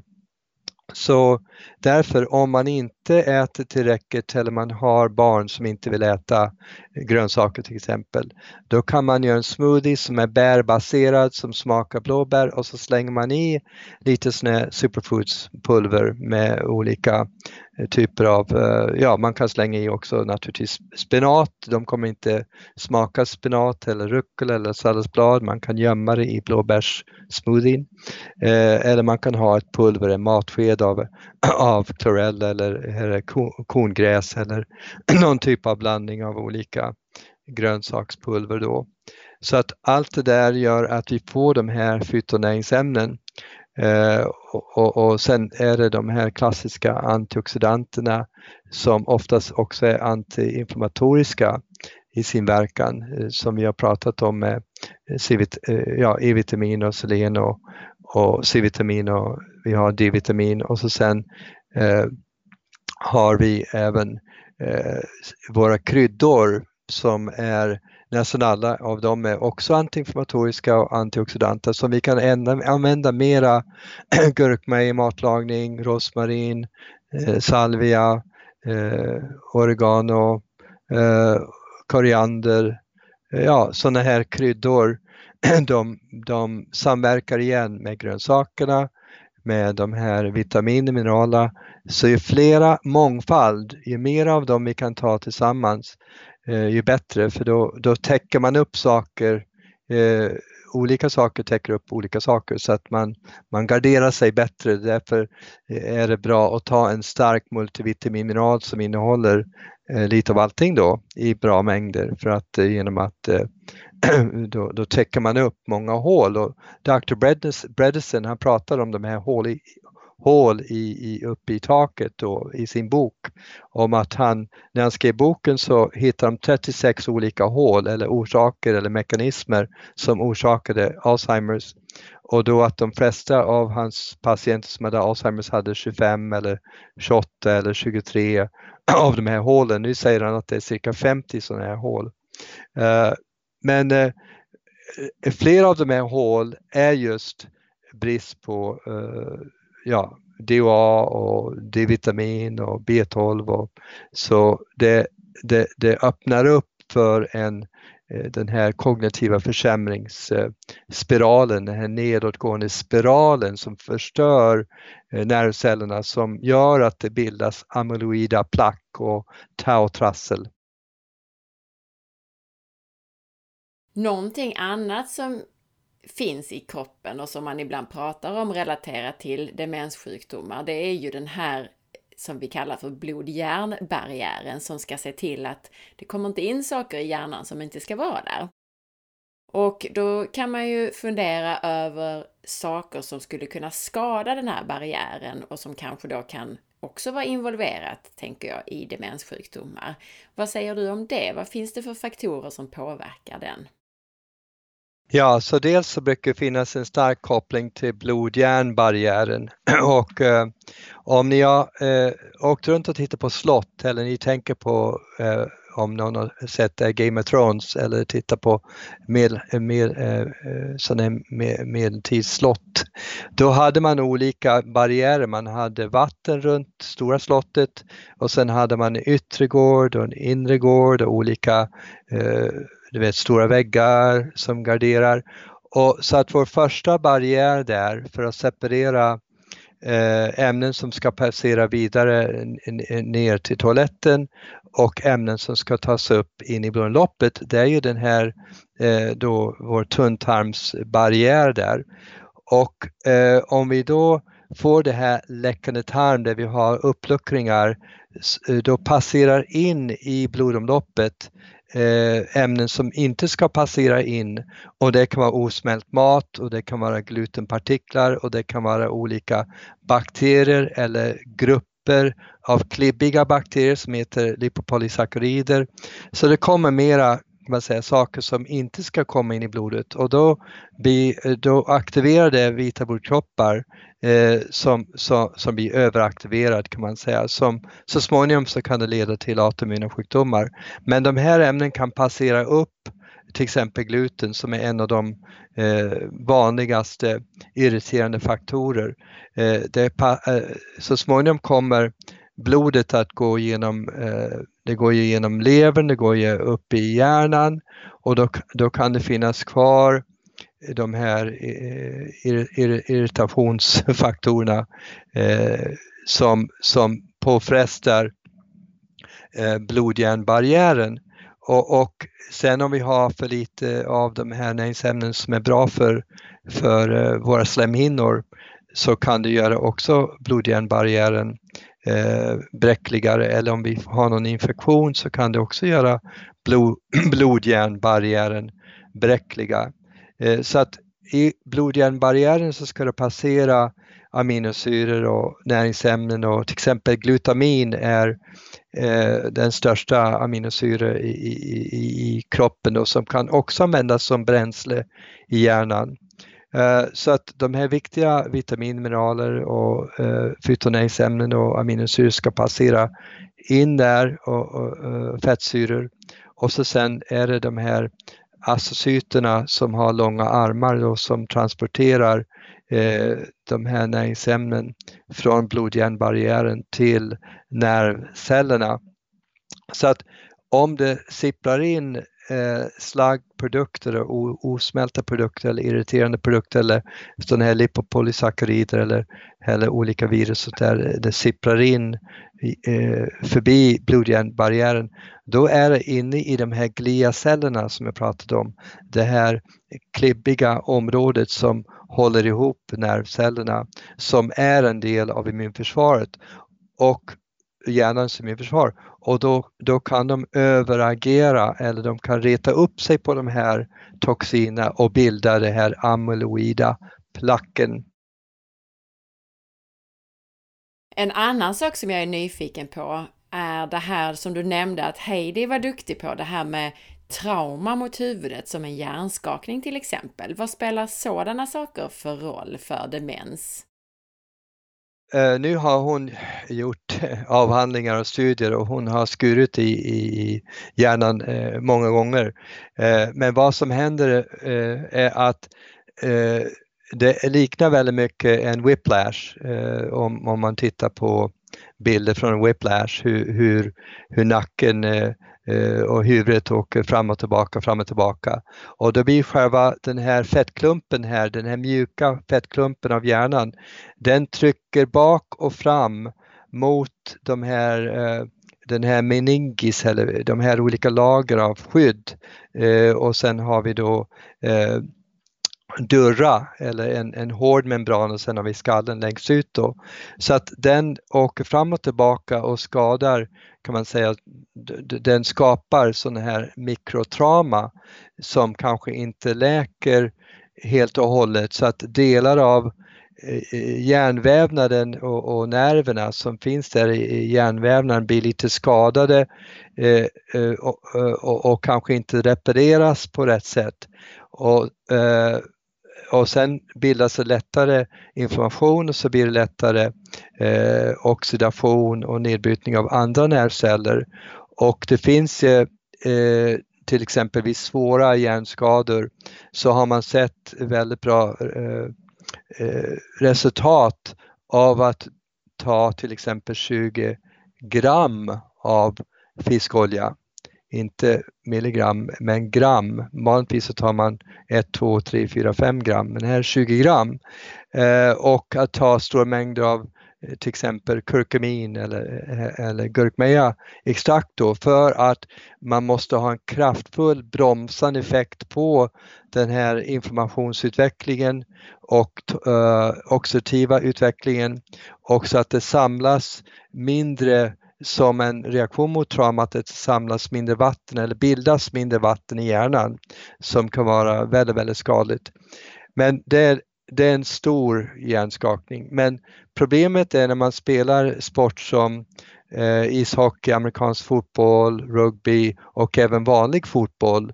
Då sker det en jätteliten, kanske vid en tackling, då sker det en liten stöt. eh, och då, då, då skakar man av sig den och sen spelar man vidare. Problemet är att eh, man får kanske då hundratals eller tusentals sådana här stötar under ens karriär och därför är det en väldigt ökad risk för inte bara demens och Alzheimers men för självmord. Det är väldigt många eh, amerikanska fotbollsspelare som gör självmord och trots att de har pengar och allt det där så, så, så har de mycket depressioner och mycket problem. Och det fanns ju en Hollywoodfilm eh, eh då för tre, fyra år sedan som heter Just Concussion.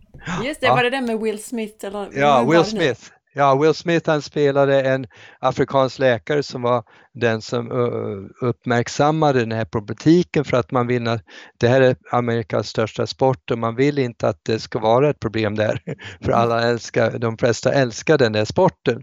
Men eh, han tvingade eh, fram de här utredningar och undersökningar och nu har de ändrat eh, massor med olika eh, regelverk inom amerikansk fotboll.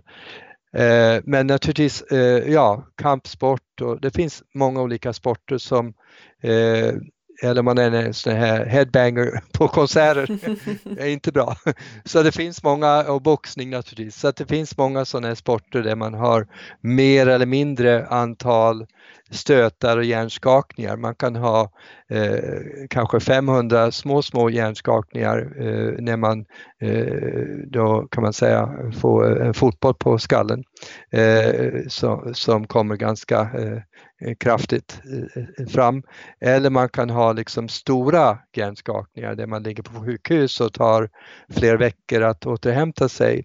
Men och, men i slutet av den här återhämtningen, man kanske överlevde, men det betyder inte att eh, hjärnan har hittat tillbaka till sin normala eller optimala fysiologi. Man, man, man kan ha eh, eh, eh en skada, eh, en del av hjärnan som har skadats som inte eh, hittar tillbaka. Så att därför eh, är det väldigt viktigt, ni, alla ni som har barn och vi vuxna också, att, att skydda hjärnan så mycket som möjligt. Och jag vet hur, hur galen jag var när jag var tonåring och, och, och körde motocross utan hjälm och, så, och cykel allt möjligt. Så att det är svårt att förstå som barn eller som vuxen tills det händer att, att det kan förändra ens liv om man får en cykelolycka eller en eh, bilolycka eller, eller ja, någon typ av boxningstrauma eller vad det är, eller martial arts trauma. Eh, så att, men det, och, och det är viktigt att ställa frågorna för att eh, om man har fått, eh, har en sån yrke eller hobby eller sport eller idrott man håller på med eh, eller ramlat eh, på isen har vi alla gjort eh, och, och slagit skallen på isen. Eh, alla sådana eh, slag kan påverka dig 10, 20, 30 år senare för att det, det successivt så, så sker det med det här sämre hantering av information och observation då kommer eh, kanske eh Eh, eh, kan man säga långsammare bildning av nya friska hjärnceller eller nervceller eller nervnätverk. Så för att försöka summera det du sa här då kring trauma mot huvudet som till exempel hjärnskakning så det som kan hända då som du sa är att det kanske inte läker riktigt som det ska och just det här att man, då är det ökad inflammation i det området som har skadats.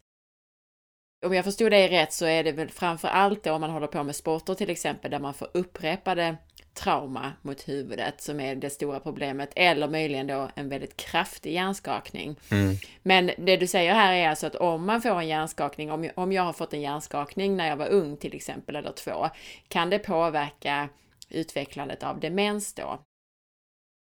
Ja, det, det, det, kan vara några större hjärnskakningar eller bilolyckor eller någonting sådär eh, som, som ger sig känna senare eller det kan vara många mikrosmällar kan man säga och, och de tar man inte så allvarligt för man, man, man kanske ligger där eller skakar av sig, sen går man tillbaka och leker. Så att, men och, och, de, de kanske man inte bryr sig om, men om, om det sker upprepade eh, massor gånger så kan det gör att, eh, och speciellt i samband med de här andra riskfaktorerna, om man är en A på E4 till exempel, eh, och får hjärnskakningar, håller på med en idrott eller har ett yrke där man får hjärnskakningar och så är man A på E4, då kommer det här A på E4-risken att öka avsevärt, speciellt om man äter sjukmanskost och man äter skräpmat så har man och inte får i sig de här eh, eh omega-3 fettsyrorna som man behöver för den här stora fettklumpen som vi har här uppe. Ja, så det, det, det är alltid man tänker på samverkande faktorer.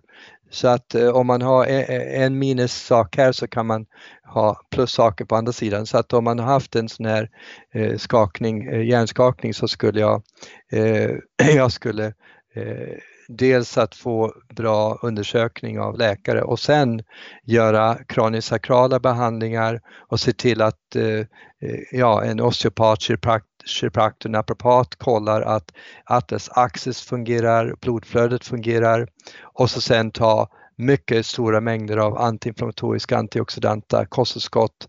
Eh, eh, det är det som är problemet mycket vad som händer med sjukvården, att de inte använder de här kraftfulla näringstillskotten för att minimera skadorna. Men det kommer att göra att allting läker mycket bättre med eh, intag av starka antioxidanter och antiinflammatoriska örter och näringsämnen. Det skulle man absolut ta om man Eh, har råkat ut för någonting. Man ska inte bara ligga och vila eh, eh, utan att ta de här räddande och stärkande näringsämnen som kan verkligen motarbeta en, en, en väldigt dålig utveckling och det kan göra också att man kommer tillbaka mycket, mycket snabbare och, och gärna då repa sig mycket, mycket bättre. Men jag har själv jobbat många, många år med kraniosakrala behandlingar och, och det kan hjälpa också då eh, just det här flödet av eh, ryggmärgsvätskan, det här eh,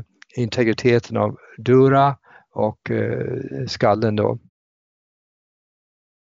Dale Bredesen som vi har pratat om här eh, ett antal gånger som är väldigt framstående inom det här med demens och Alzheimers och vad man gör om man har en ApoE4-gen till exempel. Han sammanfattar ibland de här orsakerna till demens i olika grupper, alltså han grupperar de här hålen som du pratade om. Och jag såg att du också tar upp de här grupperna i din bok, där den ena till exempel har att göra med trauman mot huvudet. Men har du möjlighet att sammanfatta hans grupper eller berätta lite kort om dem?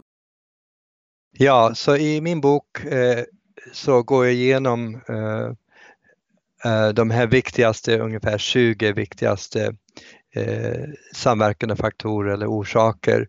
Och han grupperar eh, många av de här då i, i sina eh, sex grupper kan man säga. Men de viktigaste av de här sex är eh, det är fyra grupper och den första är ett het tillstånd och, och den mera eldig tillstånd och då har man oftast flera av följande eh, eh, samverkande orsaker. Man har inflammation, matintoleranser, eh, läckande tarm, infektioner och sen har man eh, oxidativa ämnen. Eh, om man tittar på blodet så har man mycket eh, dålig skydd mot ox oxidation. Man har mycket, eh, man kanske har ätit eh, mycket chips och pommes frites och sånt som gör att man får eh, sämre eh, fetter och, och sämre cellhälsa.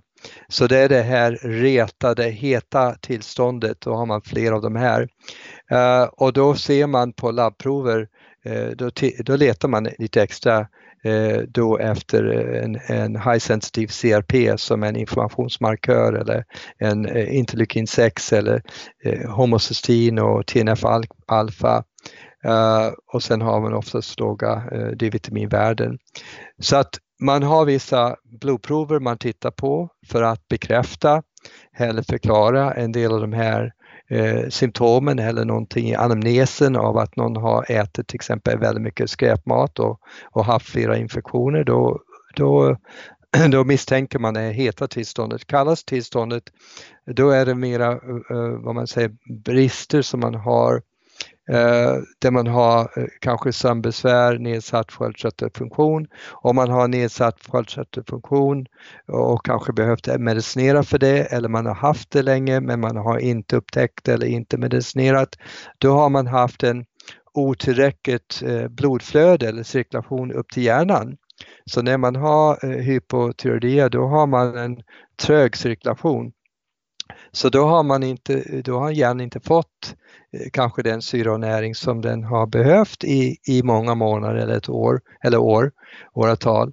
Och sen låga hormonvärden man har, det är ju främst östriol, eh, eh, estriol, eh, eh, som det är därför den, eh, som är saknande, som är extra låga för att det är därför många kvinnor under och efter menopaus känner att de har en sämre kognitiv funktion Eh, så att för många kvinnor, om inte deras eh, binjurar ökar takten med eh, utsöndring av östrogener, eh, sen får de också en del via fettvävnad, då kan den här äggstocksutsöndringen som har slutat göra att de har en alltför låg eh, östrogen. Man behöver östrogen Eh, för en bättre hjärnhälsa. Det finns andra hormoner som pregnenolon och, och eh, eh som är nyckel för hjärnan och även eh, testosteron är väldigt bra för hjärnan.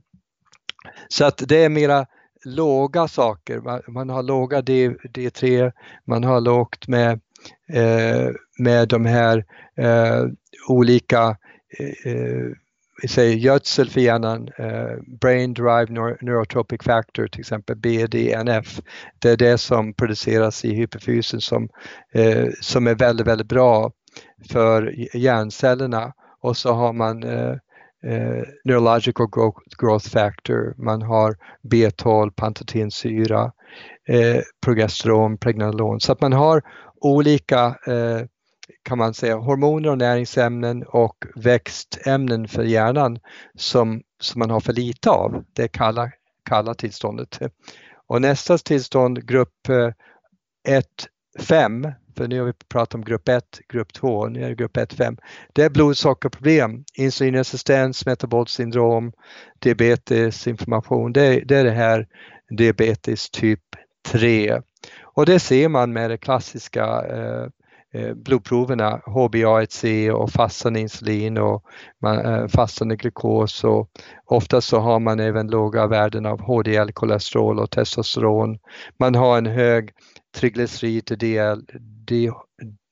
HDL-kvot, man har mer än tre, styck, tre gånger triglycerider mot HDL. Och sen den fjärde är toxicitet och det, det har vi pratat om. Eh, då misstänker man eh, och mäter kanske tungmetaller, kemikalier, eh, olika typer av endotoxiner, virus, man kanske har bott i mögelhus, man kanske har haft eh, eh borrelia till exempel. Eh, alltså man har någon typ av toxicitet där från en, en eh, infektion eller från sin miljö och eh, då får man utreda det, försöka att minska exponering och sen avgifta den här personen. Så det är de här viktigaste, vanligaste fyra och då kan man vara en kombination av några av de här, men det brukar vara en av de här som är, dominerar lite extra. Och då tacklar man det först då i behandlingen. Eh, sen har vi grupp, nästa grupp då som man kallar grupp 4 då som är eh, blodkärl som är cirkulationsbesvär och jättesvag och, och man kanske har haft eh, eh olika ty typer av problem med sina blodkärl. Och sen grupp 5 är huvudskador. Och det är det som du tog upp här med trauma, hjärnskakningar, Eh, med eller utan eh, att man simmar. Men då har man då har den här eh, kognitiv nedsättning och demensutvecklingen eh, startats eller orsakats i stora delar av eh, en stor trauma eller upprepade trauma. Det tycker jag summerade väldigt bra det här. Alltså man hade den här ena gruppen som var heta tillstånd med mycket inflammation och intoleranser och infektioner och sen hade man det här som du kallade för kalla tillstånd, grupp 2 med dålig kondition kanske, låga hormonvärden och sen så det här med blodsocker Problem var en grupp med insulinresistens och så vidare, diabetes typ 3 då som du pratade om. Vi hade sen en grupp som var toxicitet, vare sig det är toxiner utifrån eller inifrån då som infektioner och annat. Och så blodkärlen, dålig cirkulation och sen då huvudskadorna. Det summerar ju alla de här riskfaktorerna på ett väldigt bra sätt tycker jag. Där kom du in då på vissa hälsotester som kan vara värdefulla att göra, att man kanske testar sitt CRP och man kanske testar sig för toxiner och hormoner och annat. Är det något annat hälsotest som man ska tänka på som, som man kanske bör göra? Ja, en som eh, många inte känner till kanske då är i, att man kan få ut väldigt mycket från även en vanlig hälsokontroll så att även ASAT och ALAT eh, som är då leverenzymtester som finns i en standard eh, hälsokontroll för att om de är kraftigt förhöjda så är det risk för fettlever och ni, kom, ni kommer ihåg i Supersize Me att eh, eh, när den här killen åt skräpmat tre gånger per dag att eh, eh, efter några veckor så, så, eh, så hade han förhöjda ALAT och ASAT. Så hans läkare sa att du måste ha druckit alkohol. Han sa nej, nej, nej, jag har ätit de här måltiderna. Eh, ja, då måste du sluta med det för de håller på, levern håller på att bli förgiftas eh, eh, av de här, det här skräpmaten. Och ALAT och ASAT, eh, även innan det kommer upp i den här övre gränsen så har visat sig i undersökningar att om det är 10-20% under övre gränsen av en eh, godkänt eh, marginal så är det oftast en eh, typ av tecken på eh, ansamlingar av kemikalier och tungmetaller. Vi har naturligtvis hårmineralanalysen som visar väldigt bra en långsam ackumulering av de viktigaste tungmetallerna. Eh, och sen har vi den här ALAT och ASAT som kan visa Eh, eh, lite riskfaktor för som man ska kolla vidare kemikalier. Det finns ju en urinanalys också som man kan skicka in där man kollar eh, kemikalier Eh, som man jobbat inom eh, ett yrke till exempel med kassakvitton eller man har uh, jobbat inom jordbruk eller man har misstänkt, man misstänker att man har en exponering uh, av kemikalier genom sitt hobby eller yrke. Man kanske har jobbat med, med, som fotograf och framkallat sina egna bilder i den här vätskan. Så då kan man skicka iväg urin och så kan man kolla då om man har förhöjda mängder av eh, kemikalier och plastämnen som talater. Alla, alla av oss har förhöjda ämnen, värden. Mm. Alla har ju druckit från en plastflaska eh, på sommaren kanske. Så, eh, men det finns ju många olika analyser som man kan ta för att om man misstänker tungmetaller, kemikalier plus eh, att se den här eh, Eh, den här nivån av eh, information som man ser med, med CRP då som, som ska hålla sig under 1 helst då. Eh, så att om den börjar krypa upp CRP då kan det vara tecken på inflammaging. Och sen älskar jag den här Organic Acids testet som du också gillar, eh, organiska syror. För det ser man dels om det om man har fått toxiner eller någon, någonting som har eh, saboterat din energitillverkning. Eh, Kom ihåg att jag pratade om att en del av problemen med eh, nedsatt kognitiva sjukdomar är ju då att mitokondrierna inte klarar av att, att skapa tillräckligt med energi. Och det kan man se mycket information då via det här organiska syretestet. Samt att man kan se en hel del information om mikrofloran eller om tarmfloran. Och det pratar vi också om var en väldigt viktig kan vara en viktig orsak till nedsatt kognitiv funktion var att man har en tarmdysbios. Och det ser man också i det här testet, plus att man ser informationsmarkörer eh, via eh, olika Eh, Eh, då aminosyror och olika informationsmarkörer då. Eh, och, och neurotransmittor, neurotransmittorbalansen eh, ser man i den här testen också om det finns en information eh, lite grann i hjärnan som gör att man inte kan bilda tillräckligt med serotonin till exempel. Så att det är många saker som, och, och finns en jättebra antioxidantmarkör också plus en B12-markör och en B6-markör. Så att eh, metylmalonsyra är en eh, väldigt bra markör för, för B12 då. Eh, för att B12 i blodet säger inte tillräckligt, lika som järn serumjärn säger inte tillräckligt, man ska kolla ferritin och B12 i blodet säger inte tillräckligt mycket. Man, man, man bör kolla både homocystein och metylmalonsyra. Så att metylmalonsyra kan man se i det här enkla urintestet Organic Acid, så det är en av mina absolut favoriter. Ja, jag kan bara instämma och det är mycket fokus där på energiproduktionen, cellernas energiproduktion som du sa också med mitokondrier och citronsyracykeln och så. Så att fungerar inte den så ser man det där då och man ser till och med, kan till och med skruva ner lite på detaljer och se om det är något särskilt näringsämne man behöver för att förbättra den. Så det håller jag med om. det är, det är ett bra test. Och här har du nu då förklarat väldigt mycket kring vad som kan bidra till demenssjukdomar och riskfaktorer och vilka tester man kan ta. Och sen handlar det ju då om att ta de här riskfaktorerna och de här testresultaten och göra någonting åt det. Och du har ju pratat en hel del om hur man bör tänka med mat, att man bör äta väldigt färgrik växtbaserad mat, mycket omega-3, MCT-olja och så vidare. Men vad ska man göra åt andra saker? Jag tänker bara som till exempel virusinfektioner, som herpesvirus sägs det inte finnas någon bot på. Vad gör man där? Grunden är ju då att man har en stark immunförsvar som håller i schack då och, och, och då tänker man igen på tarmfloran.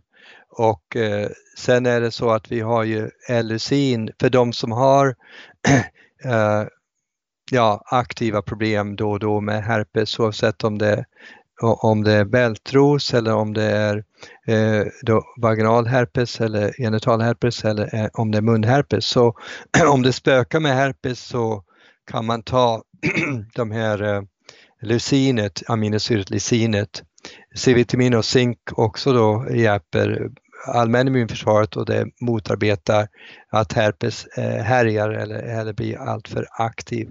Så att det är näringsämnen som är lite mer specifik för herpes.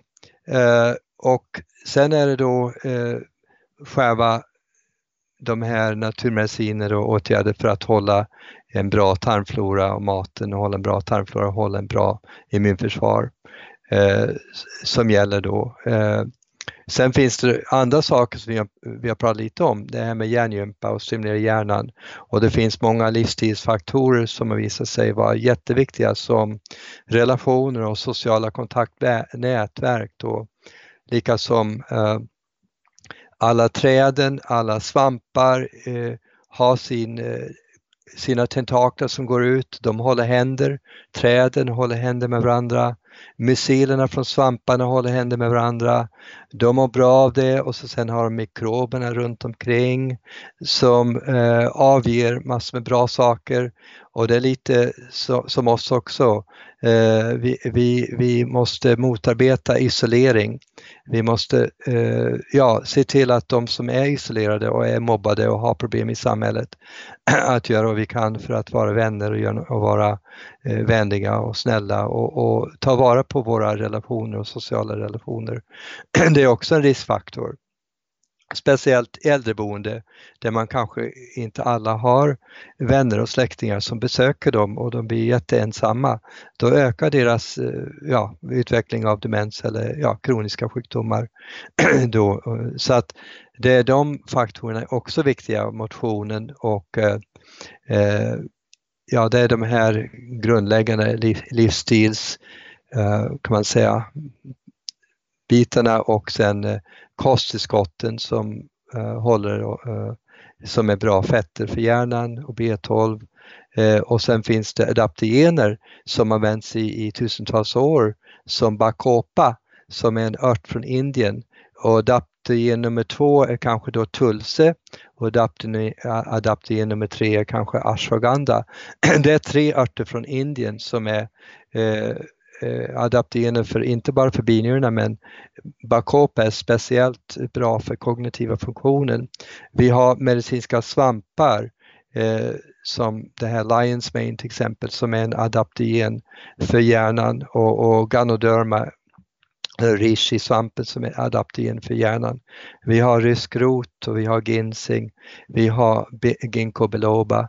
Vi har många örter som då hjälper att reglera eh, eh, hjärnans friska funktioner och, och hålla dem på topp. Så att, att om man märker att det börjar svikta och blir sämre med energin, med koncentrationsförmågan, så kan man ta regelbundet de här adaptogena örterna. Det finns ju speciellt för fokus så finns det acetyl L-karnitin och det är ju då eh, en aminosyra som har visat sig öka Eh, acetylkolin och vår koncentrationsförmåga. Så att om man tar den här grundläggande kosttillskottsbasen och sen kan man då, kan man säga, eh, punktmarkera eller man kan ta lite extra av vissa saker under vissa perioder beroende på behov man har och vi det här, eh, vi har ju olika självtester i boken för att hjälpa er hitta fram till vad ni behöver men vi har ju också terapeuter som vi utbildar. Så Heidi och jag kommer att ha två och en halv dagar i slutet av april för att vidareutbilda våra eh, näringsterapeuter och läkare och andra som vill jobba med de här problemen. Eh, och Heidi har ju gått hela Bredesens utbildning. Jag har ju gått eh, basutbildning för Bredesen och så har jag gått många andra utbildningar. Så vi kommer att ha en utbildning för att vi vill att ha en grupp av terapeuter som kan hjälpa och coacha med livsstil och näring och hjälpa eh, personer att eh, då eh, bli friskare och friskare och få en, en friskare hjärna. Du pratade ju om en rad tillskott här och ett tillskott som är väldigt populärt för hjärnhälsan eller börjar bli internationellt i alla fall och som jag också såg att ni hade tillsatt i ett av era tillskott från Alpha Plus för hjärnan. Det är det här som heter fosfatidylserin eller som, som förkortas PS på engelska ofta. Vill du berätta vad det är och vad det kan ha för effekt? Ja, så när vi äter eh, soja eller ägg, då får vi i oss lecitin. Och lecitin innehåller eh, olika eh, blandningar av fosfor och, och, kolin kan man säga. Vi har fosfatidyl, kolin, fosfatidyl, serin. Vi har olika typer av de här ämnen som ingår i lecetin. Man kan ta lecetin som ett tillskott, då får man i sig lite grann av de här. Eller man kan ta specifikt eh, fosfatidylkolin eller fosfatidylserin. Fosfat, fosfatidylserin eh, är lite specifik för dels för energiomsättning och som en adaptogen som minskar kortisolpåslag och hjälper binjurarna. Plus att den har visat sig vara eh, bra för eh, då, uh, hjärnverksamheten och, och koncentrationsförmågan.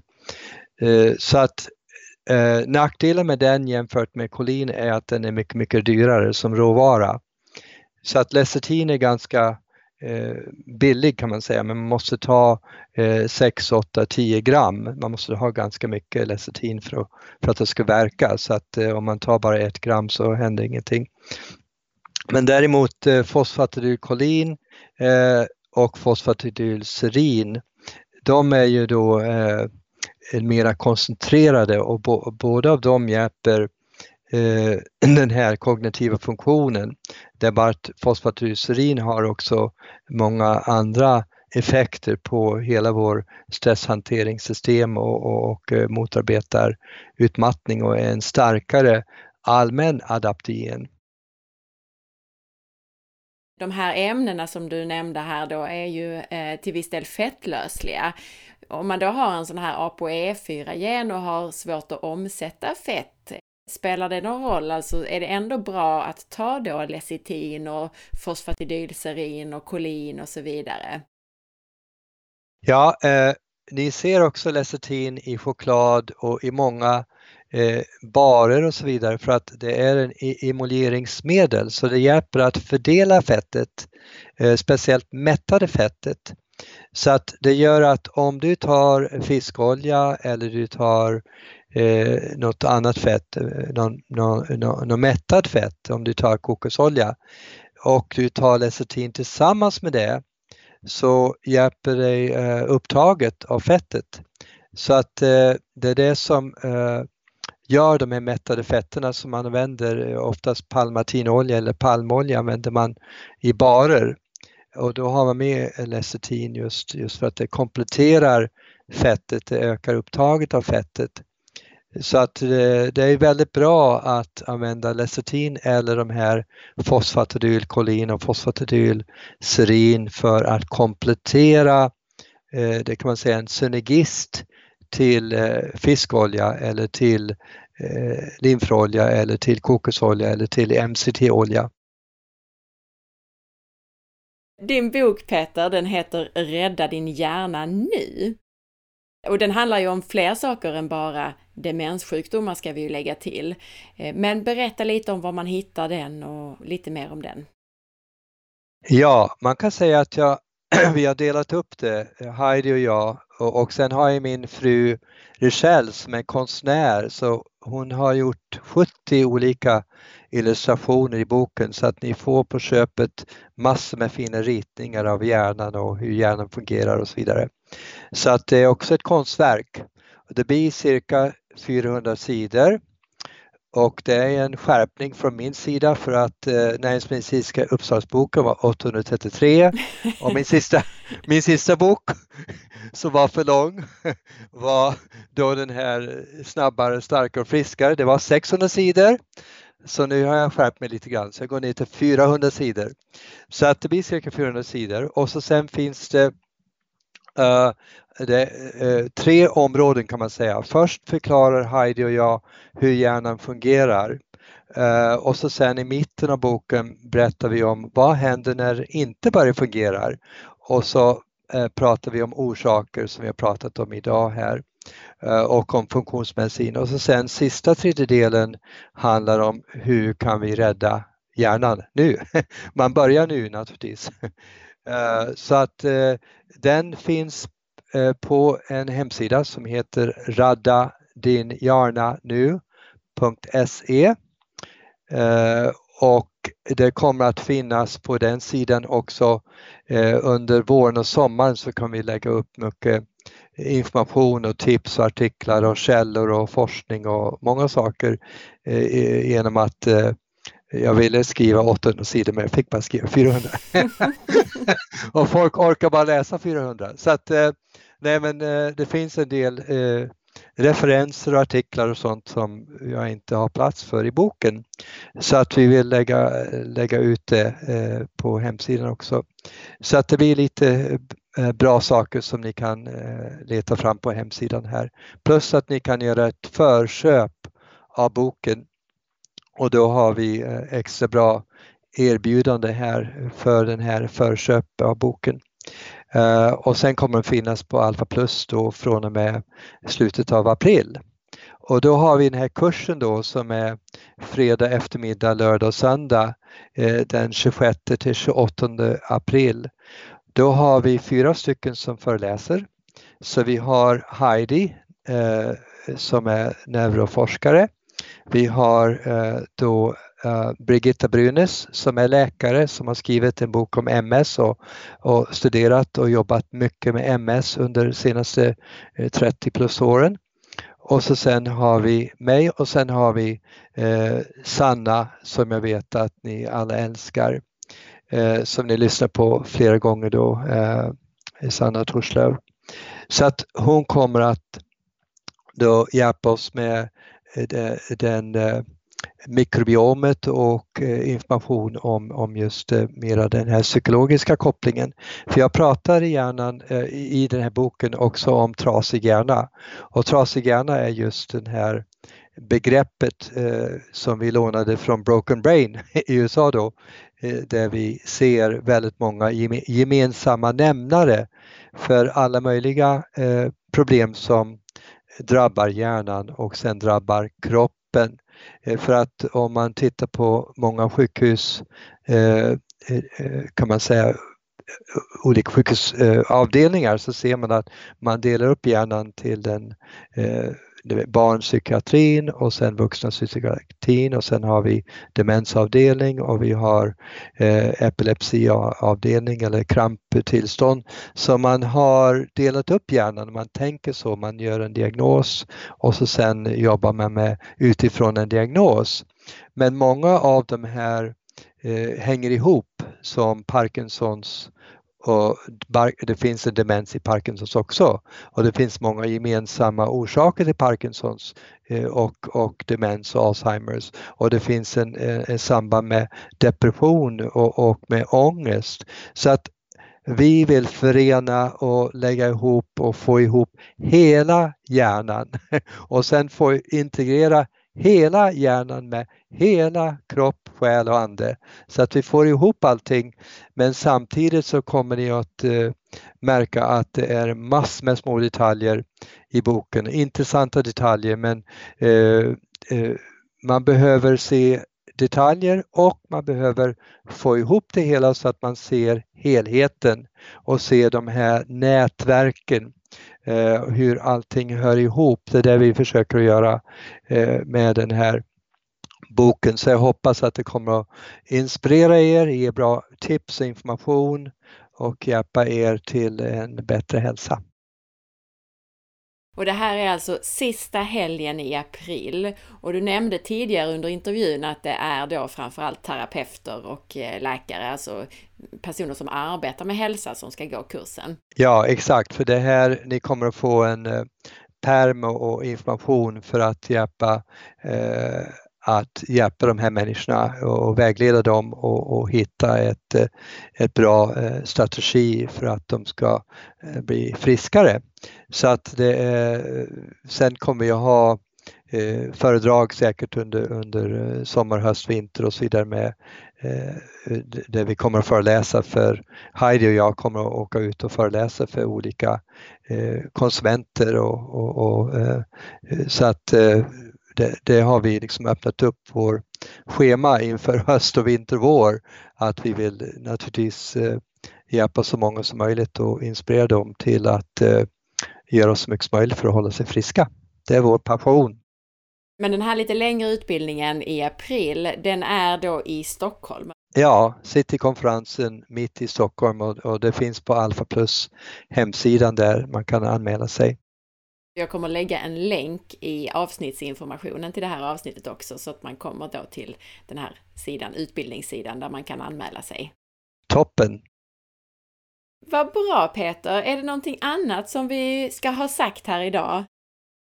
Ja, jag ska tacka dig och för allt du gör för eh, svenska hälsovården.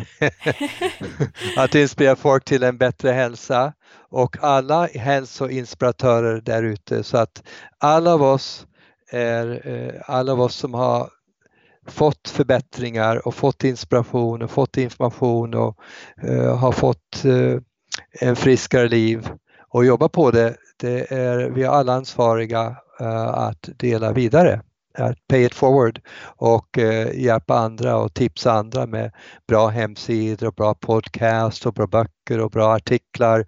För det måste, för att få den här förändringen vi behöver i, i, i svenska eh, vård, hälso och vårdsystemet så behöver mycket komma eh, underifrån, från gräsrötterna. Det måste liksom bli en stor rörelse som ser till att vi håller folk friskare. För bästa sättet att bota en sjukdom är att inte få den. Och stort tack till dig där Peter som är en riktig eldsjäl i det här och tusen tack för den här långa intervjun som det blev med all den här matnyttiga informationen som du har gett oss. Tack, tack själv.